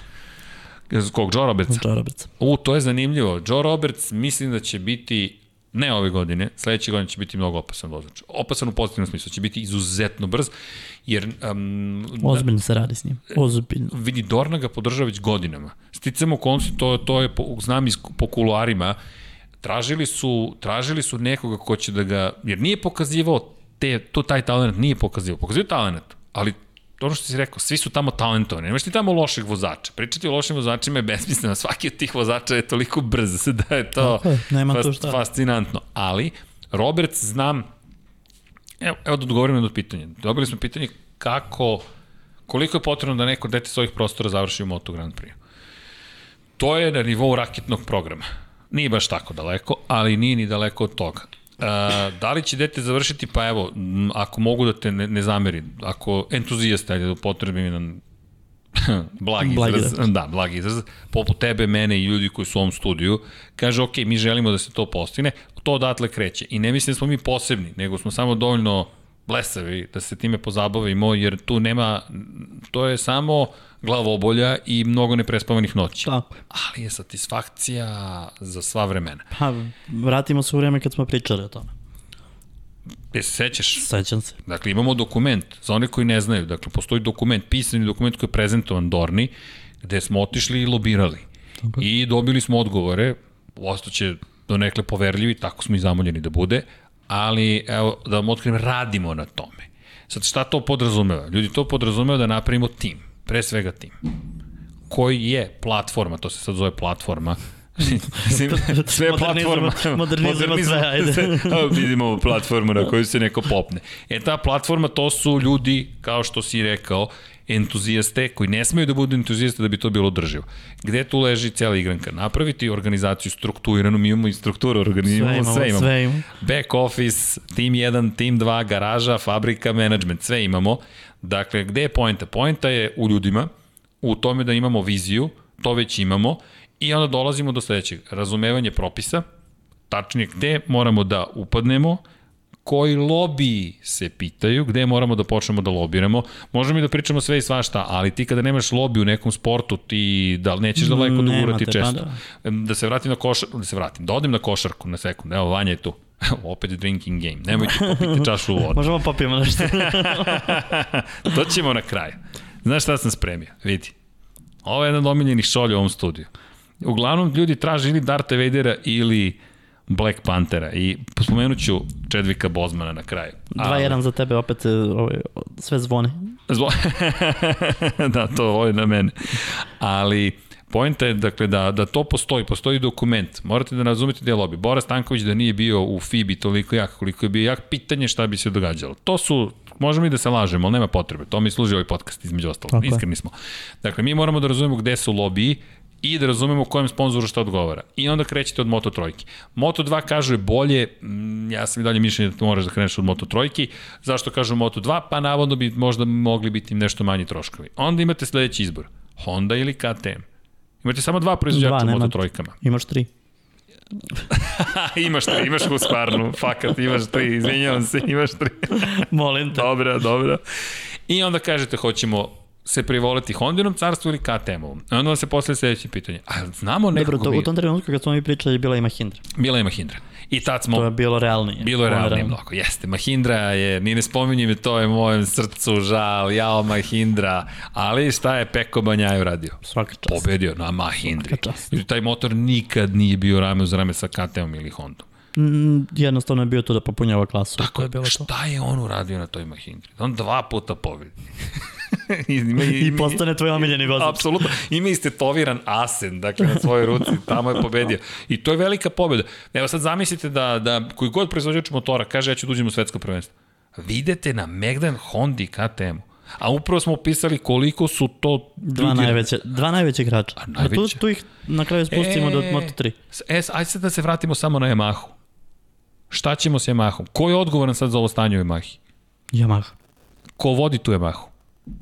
Pa vidi, čak nisam siguran da je trkačko odeljenje glav, ovaj, u problemu. Pa, to je sad pitanje gde je u Yamahi zapravo Ja škripi? mislim da je problem u Japanu. A, U Ivati. Tako je.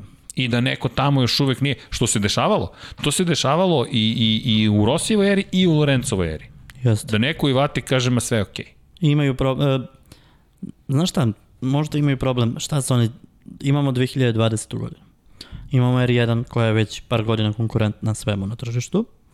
Imamo R6 koja je i više nego konkurentna u supersportu. Imamo uh, R3 koji je prekonkurentan u, u supersportu 300. Imamo uh, brdost, imamo previše motora koji su na ulici koji se prodaju. Da li možda zafali vremena u Ivati? Da li to trkačko podeljenje kaže, ok, takmičimo se i na endurance i na Superbike-u, i u američkom Superbike-u, i u British Superbike-u, i u Supersportu, i u 300, mislim, kategorije samo izlaze jedna po jedna. Izvini, Šta ćemo s ovim? samo se nadovežem. KTM je izašao iz Moto dvojki Tako je. i rekao, ne, resursi idu u Moto Grand Prix. Dobri smo u Moto trojkama, ali nije nam problem ako smo u bitci u Moto trojci, a ako pobeđujemo Moto Grand Prix. A šta su radili Kawasaki? Šta je uradio Suzuki? Saki napustio ceo šampionat i posvetio se Superbike I pra, na, napravili malu decu su ima to. Apsolutno. I ne samo u Superbajku. Ako pogledaš i u 300-kama, Kawasaki, I, ali vidiš šta onda imaš? Povećanje prodaje. Imaš biznis direkt. Jer e, imaš si ovde- i entry kategoriju, imaš i Tako. srednju kategoriju i najveću klasu. Komplet, I vraćamo se napravlju koja onda tu ima problem. Investiraš u trke koje su ti promocije čiste. Ništa drugo, a Ali ne nemaš dobiješ još nikakav uvek revenju. Da bar, pobe, da bar pobeđuješ za početak, pa makar reputacijno pa da kažeš te ima, april da je. te ima u poenima. Ajde. Tako je. Da to sa Aprilim, to, to će biti, ali meni je to oko Yamahe, to, to, je, to je ogromna Ja mislim, mo, priča. možda postoji taj moment. Jer to kažeš ti ponavlja se. Na svaki par godina se ponavlja, a kad bi se to istražilo, možda bismo došli do, do ključa. Možda je Da li je vreme- sa pojavom ozbiljnog Superbike modela Hmm, nastaju to je zanimljivo. problemi koji su To je u MotoGP-u. zanimljivo, to je Treba zanimljivo. to sad pogledati okay. malo, Okej. povući paralelu. Ok, to, to je još nešto što treba otvoriti, ali samo izvini da se vratim, da, da ne, ne zaboravim temu. Dakle, kada znate da morate da izaberete između Honda i KTM-a, u moto trojkama, da se vratimo na to kako doći do tima. Aj, imam Pavel. samo te prekinem još Pa Da, da, naravno. da, Evo ti lobby. Honda i KTM. Probaj nešto da im ne dozvoliš u MotoGP-u. A, m, između ostalog. Ali, Samo probaj. Ali onda dolazi Suzuki i kaže, jel čekajte, i mi se nešto ovde pitamo. Iako Ali ima ti samo se dva pitaš motora. malo. Ti ako Ali- izađeš, gube se dva motora na Ali, gridu. jeste, jeste, ali u MSMA moraš da imaš konsenzus. Okej, slažem se. Razumeš? A imaš... sad, je to, sad je to malo, u poslednjih par godina je to malo dovedeno u red. Jeste. Ali e, Ranije- ako se ne povlađuje Honda i KTM-u, ovde, je šampi, ovde je cela kategorija. Ali ne jedna. ne, jedna ti- jedna ti ode I- sigurno. Da, A ali, vidi KTM se povuče. A, ali, a, a, i sad, izvini se, ali gledaj gde se vraćamo. Ali Suzuki, tu je sad ta igra zakulisna. Suzuki koji kaže, ej, nama treba nešto. A i Hondi treba nešto. A onda dođe Ducati, koji nije njima mali treba igrač, koji takođe trebamo nešto. Znaš, meni je, meni je žao, ve, meni je žao iskreno što u Moto dvojici Ducati ništa ne radi. Ali on je fokusiran na MotoGP. Nemaju ni resursa ni za ovo. Nemaju Ne, resursa, nemaju, stvarno. nemaju resurse, fakat nemaju. Ne, samo kažem žao mi je. I žao mi je što Yamaha nije zapravo u Moto Trojci, to gnjavim Jarvisa svaki put kada ga sretnem, pitan kada Mhm. ćete doći u Moto Trojke. A to je, e vidiš, tu se postavlja pitanje. Ako imaš Yamaha u Moto trojici, da. onda imaš otvorenu borbu. To su rukavice skinute, onda skroz. Jesu. I šta imaš onda? Onda ne možeš da lobiraš ni u jednoj klasi. Jer imaš konkurenciju. Ti kad imaš dva igrača, ti si u jako velikom problemu. Kao što si imao u Moto2 jednog igrača. Šta da je Honda rekla, ok, na našu štetu raskidamo ugovor u Moto2. Od sledeće trke nemate agregata. Pa problem, Ne problem, nego to je kraj kategorije. krah.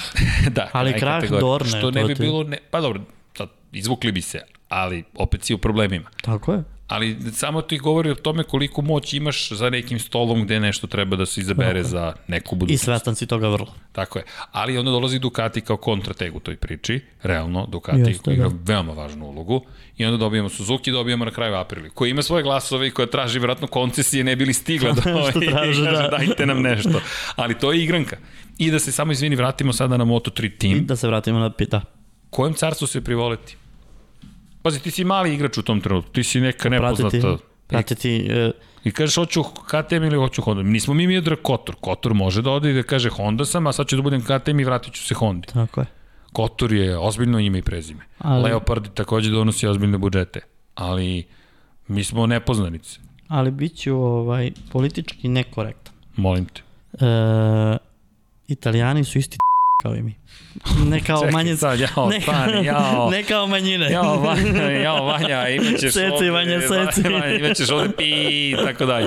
Znači, e, nemam, Isti nemam su bolju reč. mentalitet kao mi. Isti su, ajde tako da nazovem, ali dakle, to nije shvatljivo Ovo nije baš. rasizam, dakle. Ne, Nikako nije vidi, Mi rasizam. ovde ne damo da, ni boja, ni veroispovest, ni nacija. Ja se ovde Ne, ne, to je bitke samo, to je samo su- ponašanje. tipa, Ponašanje i, i uh, navike. Kulturološki smo Tako slični, može tako. Možemo tako da Zacrveneo kažem. sam se. dakle, okay. Izvukao si situaciju. Da, da, da. Ali, Pošto ov- te znam, znam da nisi rasista. Ne, ne, ne, nisi- nema veze sa rasizmom, kao što sam se ogradio odmah, ali jednostavno to je jedina reč koju mogu da kažem. Vanja, daćeš onaj jedan bip, dakle. Ali okej. I da se vratimo, Jel kulturološki gledaj smo šta slični. oni rade, Dobro. prati njih. I Pa, Ali- financijama ali- si blizu njih. Pa da, ali nemaš, nemamo mi taj lobby. Da, da, vidi, bio je potreban jedan Valentino Rossi da stane iza celog, sa kampom, sa, sa rančom, sa akademijom i, i da gurne italijanski savez motociklistički, ne bi li došli do nove generacije vozača. Ali isto tako, imaš jednu Hondu koja stoji iznad kupa talenata Azije, Da, koja kontroliše Pa, ali, celu Azijsku. Ali KTM je Red Bull, KTM... Ali, ne, ne, ne, kupnula, nešto Elija. hoću samo ti kažem. Da. Honda koja gura celu Aziju i ne izvuku jednog vozača za sezon. Dobrog. Koliko ima Azijeta, koliko ima Evropljana? Znaš, e, to što je bio Rossi.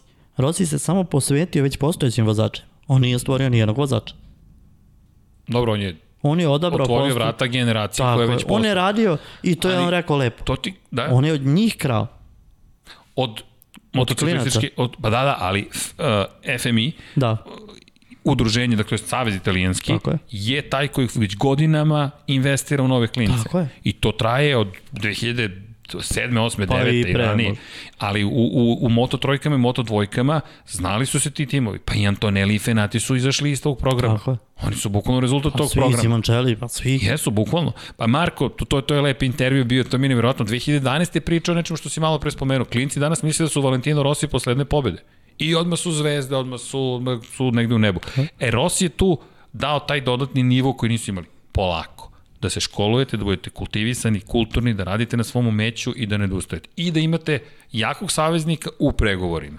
Tako i onda će sva vrata će ti biti otvorena tada. Lobi. On Lobi. je otvorio vrata, lobirao je. Lobi. Lobirao je za vozače. Lobi. Ali vozači su postojali. Dobro, kako mi da stvorimo taj lobi, Igor? Pa nikako. Sad si mi rekao prati Italijane, pa kako da ih Pa pratim? nije, jedino, kažem, po svim navikama i svim ovaj, stvarima koje rade, mislim, treba pratiti. E, finansijski smo vrlo blizu. E, kulturološki smo vrlo blizu. Geografski smo vrlo blizu. To, je- I ako se uhvatiš, Koji motor onda da uzmemo? ka tema? KTM. Dobro. Ja koji, e, meni u potpisu na svakom forumu, ono, od 2000. do 2005. 6. dok su forumi bili, pisalo je jedan je Japan. I, i, I jeste, stojim pri tome da je Japan Japan, ali e, u ovoj situaciji zna se kular. Ko je do, prvi došao do rešenja kako napraviti konkurentan Moto3 motor? Ko je prvi? KTM. KTM. KTM je... Ko je prvi Nije našao moglo rupu? Da, ali našli su rupu, tako je. 23.000 evra bi morao da košta motocikl. Pa, ali Igor je lepo rekao, trkanje je traženje rupa. Jeste, bukvalno, tražiš rupu u pravilniku i oni, oni su ne da našli. Naš marketinški budžet će da subvencioniše. Tako je, Šta će subvencioniše? Pa razvoj. tako je. I njihov motor Moto3 košta pola miliona evra. Ali motor kao motor košta 23. Da ga ja kupim i ti da ga ja Tako je. kupimo 23.000. Sad što je on u razvoju os- 500.000 Ali evra. da li je on razvijao uh, motocross koji ima isti agregat kao Moto3? Ne, sve jasno. To je- Ali Honda je odgovorila. Honda je rekla, a tako igramo, nema problema. A dobro, I ali KTM sad ne trebalo im može je da osvoji vreme. titul. Trebalo je, ne Trebalo možeš im to je tek vreme. preko noći. Znaš, ali mislim da, i mislim da je priuštiviji KTM. Mislim, oboje, oboje su po istim Aj, blizu cenama. je. Ali, pa isto su Fabrika. cene. A ne, A, fabrika. blizu, je, da, pomožu sad sode panel. Ja, ima naših, pa mogu nešto ispod ruke da izvuku. Znam čoveka koji radi u hladnjacima tamo, pa ako, ako treba... nešto, Rabat neki šta nešto. povoljniji za zaposlene. Možda dobijem, možda ima neki oštećen, otkud znam. O, dobro, ovde razgovor nam je otišao na razne strane, ali dobro, ove su nedelje kada nema trka, tako da... da Tako, stvarno kad je prilika- dosadno. Ne smijem ni da spomenem ime čoveka koji da se ne bi ljudi napili previše vode, dakle, ali ću se samo pitati, jel smo prešli dva i po sata vanja? Nismo još? Dva des... O, O, pa Igore, dobro, a, smo, pa šta, vidi, pa ovo je ne- lagano, pa ti, Pa. ovo tek za lako zagrevanje. Ništa, sad da se bacimo na... ne, ali šalno na stranu. Dakle, da, ja, ja obožavam da pričam o ovim stvarima. Ja stvarno, ovo je ljubav prosto. Znam da ti i ja kad sednemo i kad se nađemo, kad se ne snima, to, to, Zato se i ne nađemo nikada. To je, Da. to je jedan od razloga. To traje i traje i traje i traje.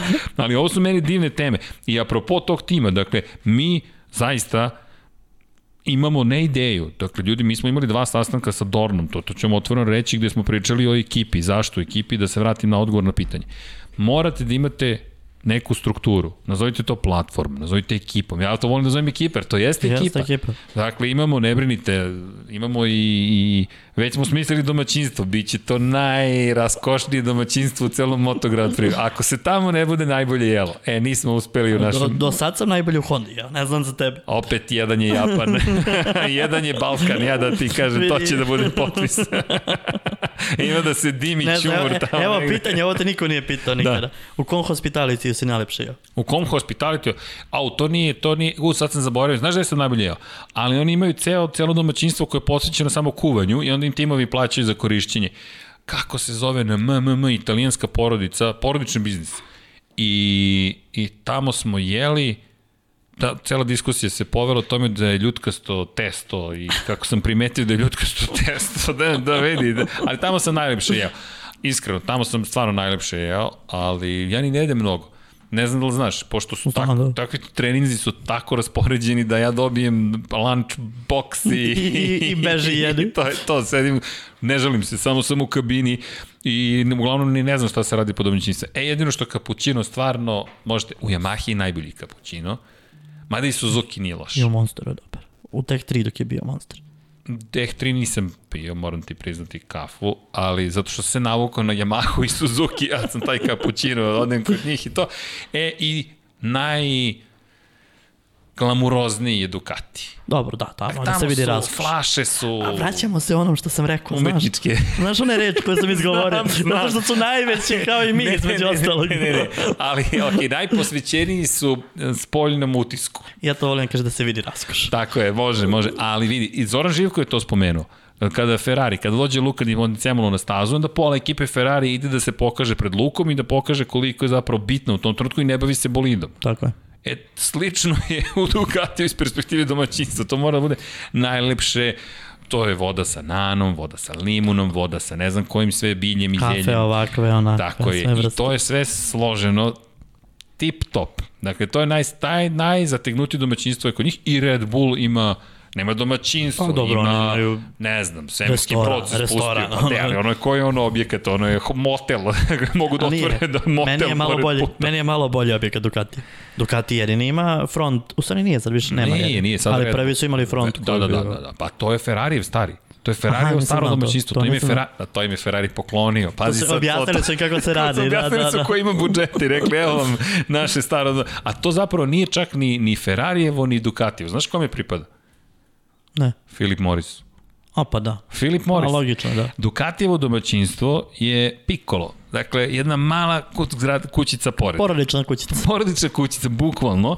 I tu obično stoji najnoviji model i to ti je to, ti je to Djevel je stajao prošli put kada smo bili, ja A, mislim. dobro, aha, da. Jeste, i to, to, ti, to ti Ducati. Pored je Filip Morris na dva Na dva sprata. sprata sa staklenom onom Jeste. kupolom. I to je zapravo stari Ferrarijev, to je da. Odnosno, Filip Philip Morris Morrisov koji je davao iz Ferrari. Da. Formule 1, tako je. I Filip Morris je zapravo, koji korporativne zapravo klijente dovodi tu, zato investira toliko i dalje u automotosport. Dakle, oni su to poklonili i znam da sam imao incident, incident sa Andrejom Jenoneom, ušao sam u Ducatijevo domaćinstvo da radim intervju i zove me njegov predsednik za medije i kaže gde ste? Pa rekao, evo me u Ducatijevom domaćinstvu. Pa ne, kao vi treba doći u Filip Morris domaćinstvo, koje je odmah pored. Pa je tu, da. I dok smo mi izvukli opremu, četiri minuta smo zakasnili i Janon nije hteo da da intervju koje je trebalo traje 15 minuta. I izašao je rekao i nije hteo da nam se obrati. Zakasnili smo, ali smo pogrešno shvatili da treba da budemo. Bili smo na vreme, na pogrešno mesto. A meni je tako Zarko kasnio i o, nestade čovjek. Pa meni se Ne, Bradley stvarno. Smith nije pojavio nikad. I znaš gde sam ga zatekao? Ali moram ti priznati da mi nije bilo krivo. U WC. Ne, ali ima veze s vodom. Pravo je oplatu motora. Aha. Tad je bio u moto dvojkama i baš sam hteo da pričam sa njim i u teh trojici je vozio i čekam, čekam, čekam, samo se nije pojavio. Ali sa Tom Jojićem, Tomom Jojićem je bio inter, zanimljiv intervju, ne, nikad nije obiljen, nažalost, ali Tom Jojić je čuveni inženjer koji je radio za KTM dugo i generalno u Moto Grand Prix, čak je radio za Kenija Robertsa. On je zapravo momak koji je sa ovih prostora poreklom i kao klinci su roditelji njihovi u Kanadi pričali samo srpski. I on do sedme godine života nije znao ni francuski, ni engleski. I znači srpski govori sad ili? A, ne, i onda su Burazer i on skovali pakt sa sedam godina da nikada više ne progovore srpski, jer su bili izopšteni u de, kao deca u školi koja ne znaju ni engleski ni francuski i onda je zaboravio jezik, ali dobro govori francuski i engleski. Joj, Tom Jojić. Da, ima čudnih tih priča u Ima padoku, raznih. možete da sretnete razne ljude, i, i, ali su stvarno Hoćeš da kažem kad si ukrao skuter, ovaj Leopard, Ja. to... ne znam o čemu Mira, ti kad si skinuo pričaš. Mira sa, sa skutera. Ja, o tome, ja sam trčao, ja molim vas. Pa ja sam sa tobom, ali ja znam da je neko, neko skidao Neko mira je sa skutera. skinuo- Da, to, to je neverovatno, dakle, kada ste snimatelj. Kad imate snimatelja, fotoreportera sa sobom, sve je dozvoljeno. Dakle, bukvalno, mi smo otišli da trčimo oko Brna. Brnu, u Brnu. Stigli smo dole do krivine Do Kevina rupa. Švanca. Da. A da je neimenovani predstavnici sedme sile su zamolili Joana Mira da napusti svoje sedište na skuteru i da dozvoli ekipi da snima. Što je on uradio?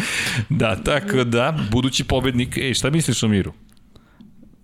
Fali mu malo stabilnosti, Na stabilnosti? Da. Misliš da, da, da je malo to? konstantnosti, malo... Ja mislim da će on da bude opasan, iskreno će Hoće, biti baš ali- dobar. To ti je ono, znaš, vratimo se na moju prvu rečenicu kojom smo krenuli sve ovo. Da. Da li će Dorna da shvati da im ne treba jedan veliki igrač? Ali nije to samo do Dorne. Mislim da joj daješ preveliku ulogu Markezovom uspehu. A Markez ne, ne, ne, ne, je van ali- serijski. To Jeste, je, kao to što je- je Kao što je Rossi vanserijski, Tako je. kao što je Duan vanserijski, kao što Ali je... se slažem s tobom, izvini. Z- Znam pouzdano da njihovo razmišljanje jeste fokusirano na vozača. I to imamo Ča. 30 godina unazad. Da, Da se oni fokusiraju na na jednog jednog vozača. vozača, tako je. Kao što... a, vidi, da se razumemo Ali jednu tu je stvar. Rossi, izvini, promenio stvari. Jeste. Rossi je postavio taj, na- znaš kako, Dorna kao da pati od onoga kako smo uspeli. E, E, imali da, smo jednu da. vanserijsku zvezdu koja je radila sve te stvari koje je radila, što na stazi, što van nje. Ajde sad ovde. Hajde sad ti. To su Lorencu radili. Jesu. Ja mislim da su Lorenca koštali mnogo. Nateravši ga da bude nešto što nije, da pravi specijalne proslave, da glumi Koje nisu Rosija. bile... Nije bio on taj. Jer to izgleda meni, ja sam imao transferne prijatnosti. Jer gledam dečka koji nikada to nije radio, koji sad odjednom I ne uživa u tome. i ne uživa u tome. Ne. Ne. Nije on. Njegova je zastava.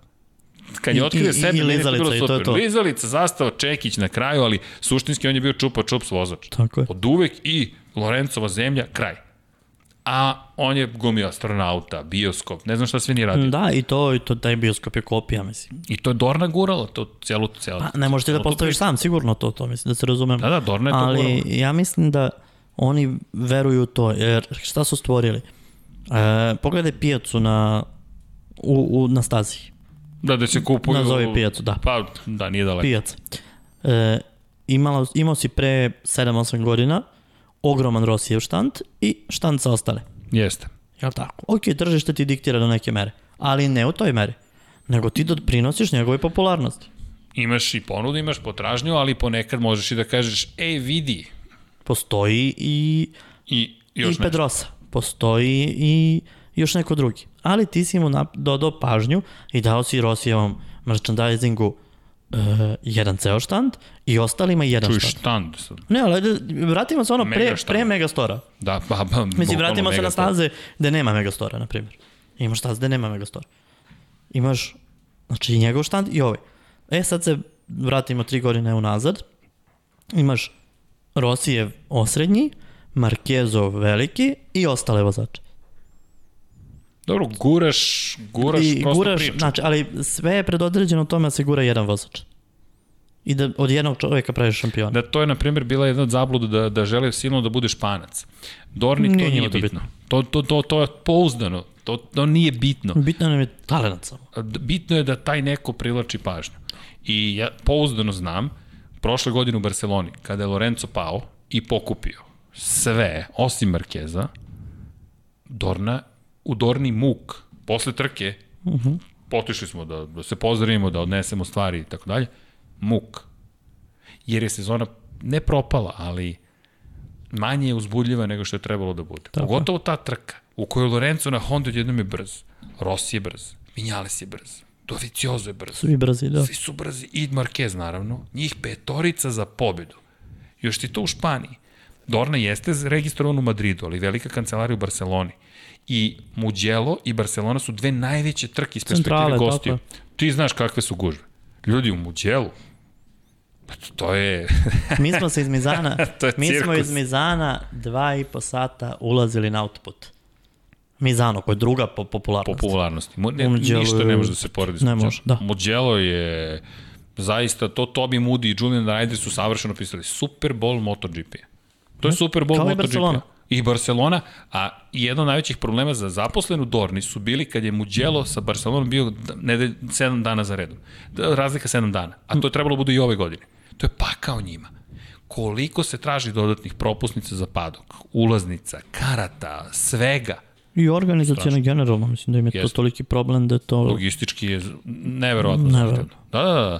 Ali, ali, ali činjenice da, da, da, da, da, da ovo ima smisla to što govoriš. To prosto traženje jedne zvezde. I mislim da će korona, kao što je korona uradila, e, više od bilo kog marketing stručnjaka za online prodaju Da, to u je... svetu, Da, mislim da će tako korona i ovde digitalizacija. probuditi svest. E, Da, vidjet ćemo. deluje mi da su shvatili. Deluje mi da formiraju sliku da je šampionata mnogo zanimljiv. E, povećava se broj gledalaca. Evo uzmimo Pouzdano znam. mikrosliku. Uzmimo mikrosliku. Pogledaj Twitter.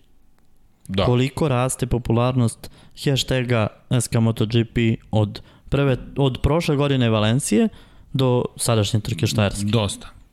Upravo. Generalno. A već je bio u I porastu. različiti ljudi i, i privod, prino, kao što je ono, ono rušenje u Maleziji bilo i do, dovelo do popularnosti To je- MotoGP-a. To je, to je zanimljivo. To je, to, to je nešto što, što, čime bismo mogli da se pozabavimo. Ja mislim da mi ovo legalno možemo da uradimo. Vanja, sad ću ti pošaljem jedan link. Evo, opet sam izgovorio Vanja. A misliš da možemo legalno? Da, da, mislim da možemo. Google Trends hoću da pokažem. Aha. Hoću da pokažem Google Trends. A, k- taj skok u Maleziji, mm, ovo su jed, Sjedinjene američke države, ali worldwide. Čisto da se vidi MotoGP worldwide, dakle šta se događa. Vanja, nadam se da ćeš moći ovo da prikažeš. Sad ovo, kako mi to sve komuniciramo. Dakle, Opet si govorio Vanjino ime. da, A sad sam i ja. sad si ti. Šta to znači? S Tri puta pio, tri puta pio za redom.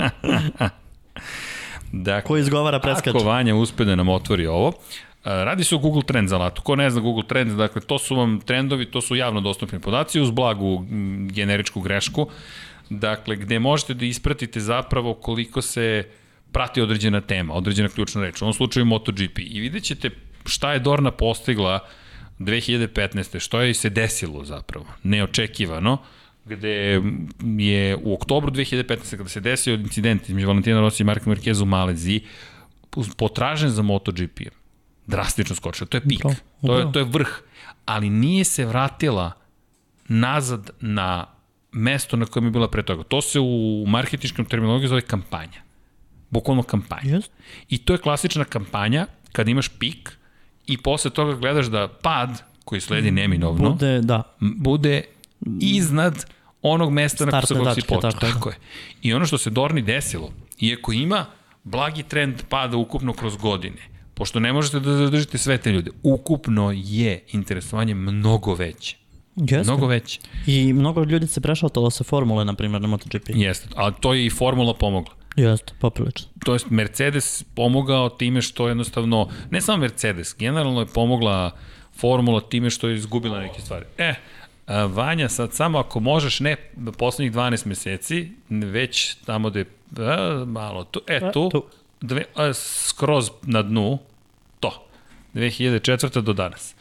I ako možeš da staneš tamo gde je, m, tu malo desno, desno, desno, desno, desno, e, to je to, oktobar, decembar, e vid, tu pored. Pazi sad ovde su drugačiji rezultati nego meni. Zapravo je skok posle toga, A možda ovo nije worldwide. Uh, piše worldwide. Hm, interesantno. Ali opet, to su ti rezultati. Dakle, tu imaš kampanju. Možeš da pomeriš skroz, Miša, izvini, Vanja. E, tu je bila kampanja. Skroz, skroz pomeri, nema veze, nema veze. S- Samo desno, sa van Zbaci ga. ekrana. Van ekrana. E, tamo gde je šiljak, tamo gde, gde si, je zapravo dve, oktobar 2015. Prvi šiljak. I posle toga blagi pad, pa onda skokovi. I pogledajte sad, kada se vratio šampionat, ogromno interesovanje, ali održalo se interesovanje. Zanimljivo, o- ovo moram da izanaliziram. Ali ona Pogledaj je Indoneziju. zima, ali ona je zima, ja mislim. A, padovi su zima, da. Ne, ne, e, vidiš onaj ceo period e, od pika u Maleziji do prvog sledećeg skoka. Jeste. Jeste. Ozbiljno mi trebalo bi da je to ta zima. Jeste, to je zima, ali interesovanje je veće nego ikad ranije. Da, da, da, da. da. Za ukupno za šampionat. Da, mislim da će Lab 76 imati još analiza, ali ljudi tek smo krenuli. Uh, dobro. Igore, mi ovako možemo do Pa 3 mi po sata, možemo ali do moramo ujutru, ipak da ali- stanemo malo. Dakle, da, ima par stvari. A, Prvo, hvala ti. Hvala tebi. Ja. Ja, se, ja cenim da ćemo se mi još družiti. Nismo, to, nismo, niste pitao za Moto Trojke, ali to znam, Albert Arenas, da, da, da verovatno. Pa, ja imam drugog favorita. Koga? Koga? Peceki. Da, a ne, a, to je za Moto E, Trojke. bože, Vjeti. A, Čelestino Vjeci. Celestino Dobro, Vjeci. Italije se držiš. A ja, Ja sam ti rekao, pa mi smo isti Da. mentalitet. ali aj ogura osvaja titulu, poslušajte šta sam E, rekao. Misliš da gura? Malo mu nedostaje. A bit će te, teško, Mlad ali je. ako zabeleži pobedu sada u Mizanu, u prvoj ili drugoj trci, mislim da ogura može. Ali vidi, još jedna paralela. I on je mator. Za tu klasu. Da. 19 godina. Mislim, pričala mator 19 godina. Ali mator je za tu klasu. ali, ali mislim da Ogura ima, ima u sebi pravog trkača. Ako on to bude uradio, on je sledeći Markez. Uuu, ovo je sada no... no Mhm. mm. Možda je mator, ali ima geografsko poreklo. Ali Ogura, gledam koliko je, koliko je stalno je tu. Ne odustaje. On je ove godine sazreo tog vozača. Ne odustaje, ne odustaje. I kad ta će pobediti? Kada otključa taj, taj moment, mislim da će to biti Tu opet. je, jeste, tu je u vrhu. Dakle, Beceki u Moto dvojkama. Beceki u moto dvojkama, možda Marini, Ja mislim da će Martin na kraju ipak da, da, da, da, da osvoji titulu. ne znam. Mada je Beceki Stabilan ultra je, talentovan. stabilan je dosta. Becek je mnogo brži od... Uh, ovo je sad Vanja bio. novo je vanje bilo. Znači, to 2, nismo- 1, 1, dobro. e, Becek je sad sve brži u odnosu na, na Marinija. Jeste. I, bit će sve Tu će brži. i bit će Kon- sve brži, da. Konstantniji vozač. I konstantno iz trke u trku da se ubrzava. Nije, nije da ima pikove neke, nego jednostavno je ali brži. to, je, to su opet Beceki i Martin koje smo imali pre dve godine u mototrojkama. Tako To je ta ekipa. A i, i tu... Ajde kažem da tipujem na, na Becekija. Ok, Beceki Martin, Ogura Vijeti i... i To titula. neka bude Binder, ajde. Vinder. Ajde, neka bude Binder, šta Prevola si sad, se. ajde. Carstvu. Uh, Igore, šta da ti kažem? Nadam se da ćemo se još družiti. Hoćemo sigurno. Baš mi je zadovoljstvo i, i, i moramo da napravimo veći studiju, još ljudi ovde, da imamo pet sagovornika, ali pravit ćemo mi još Što bi neke to stvari. ličilo? Ne Na znam. Endurance 24 sata, šta? e, vidi, i imam neke lude ideje kako da komentarišemo 500 milja Indianapolisa, kako da komentarišemo neke trke koje ne možemo da komentarišemo. Ali, zamislite komentarisanje na Lab 76, a gledate negde drugde. Gledaju me ovde neki šokirano, čekaj, čekaj, šta si hteo da kažeš? nije ni bitno. Ali, iskoristio bih ovu priliku. Uh, Vanja, može, i- može, može dvoplan, može dvoplan. Uh, Chadwick Bozman. Za one koji ne znaju, dakle, Infinity Lighthouse, ja to stalno pričam i nastavit ću pričati, imamo neke vrednosti koje želimo da propagiramo. Snove, nauku, sport, ljubav, neke pozitivne stvari, da, prikaz, da pričamo o lepim pričama.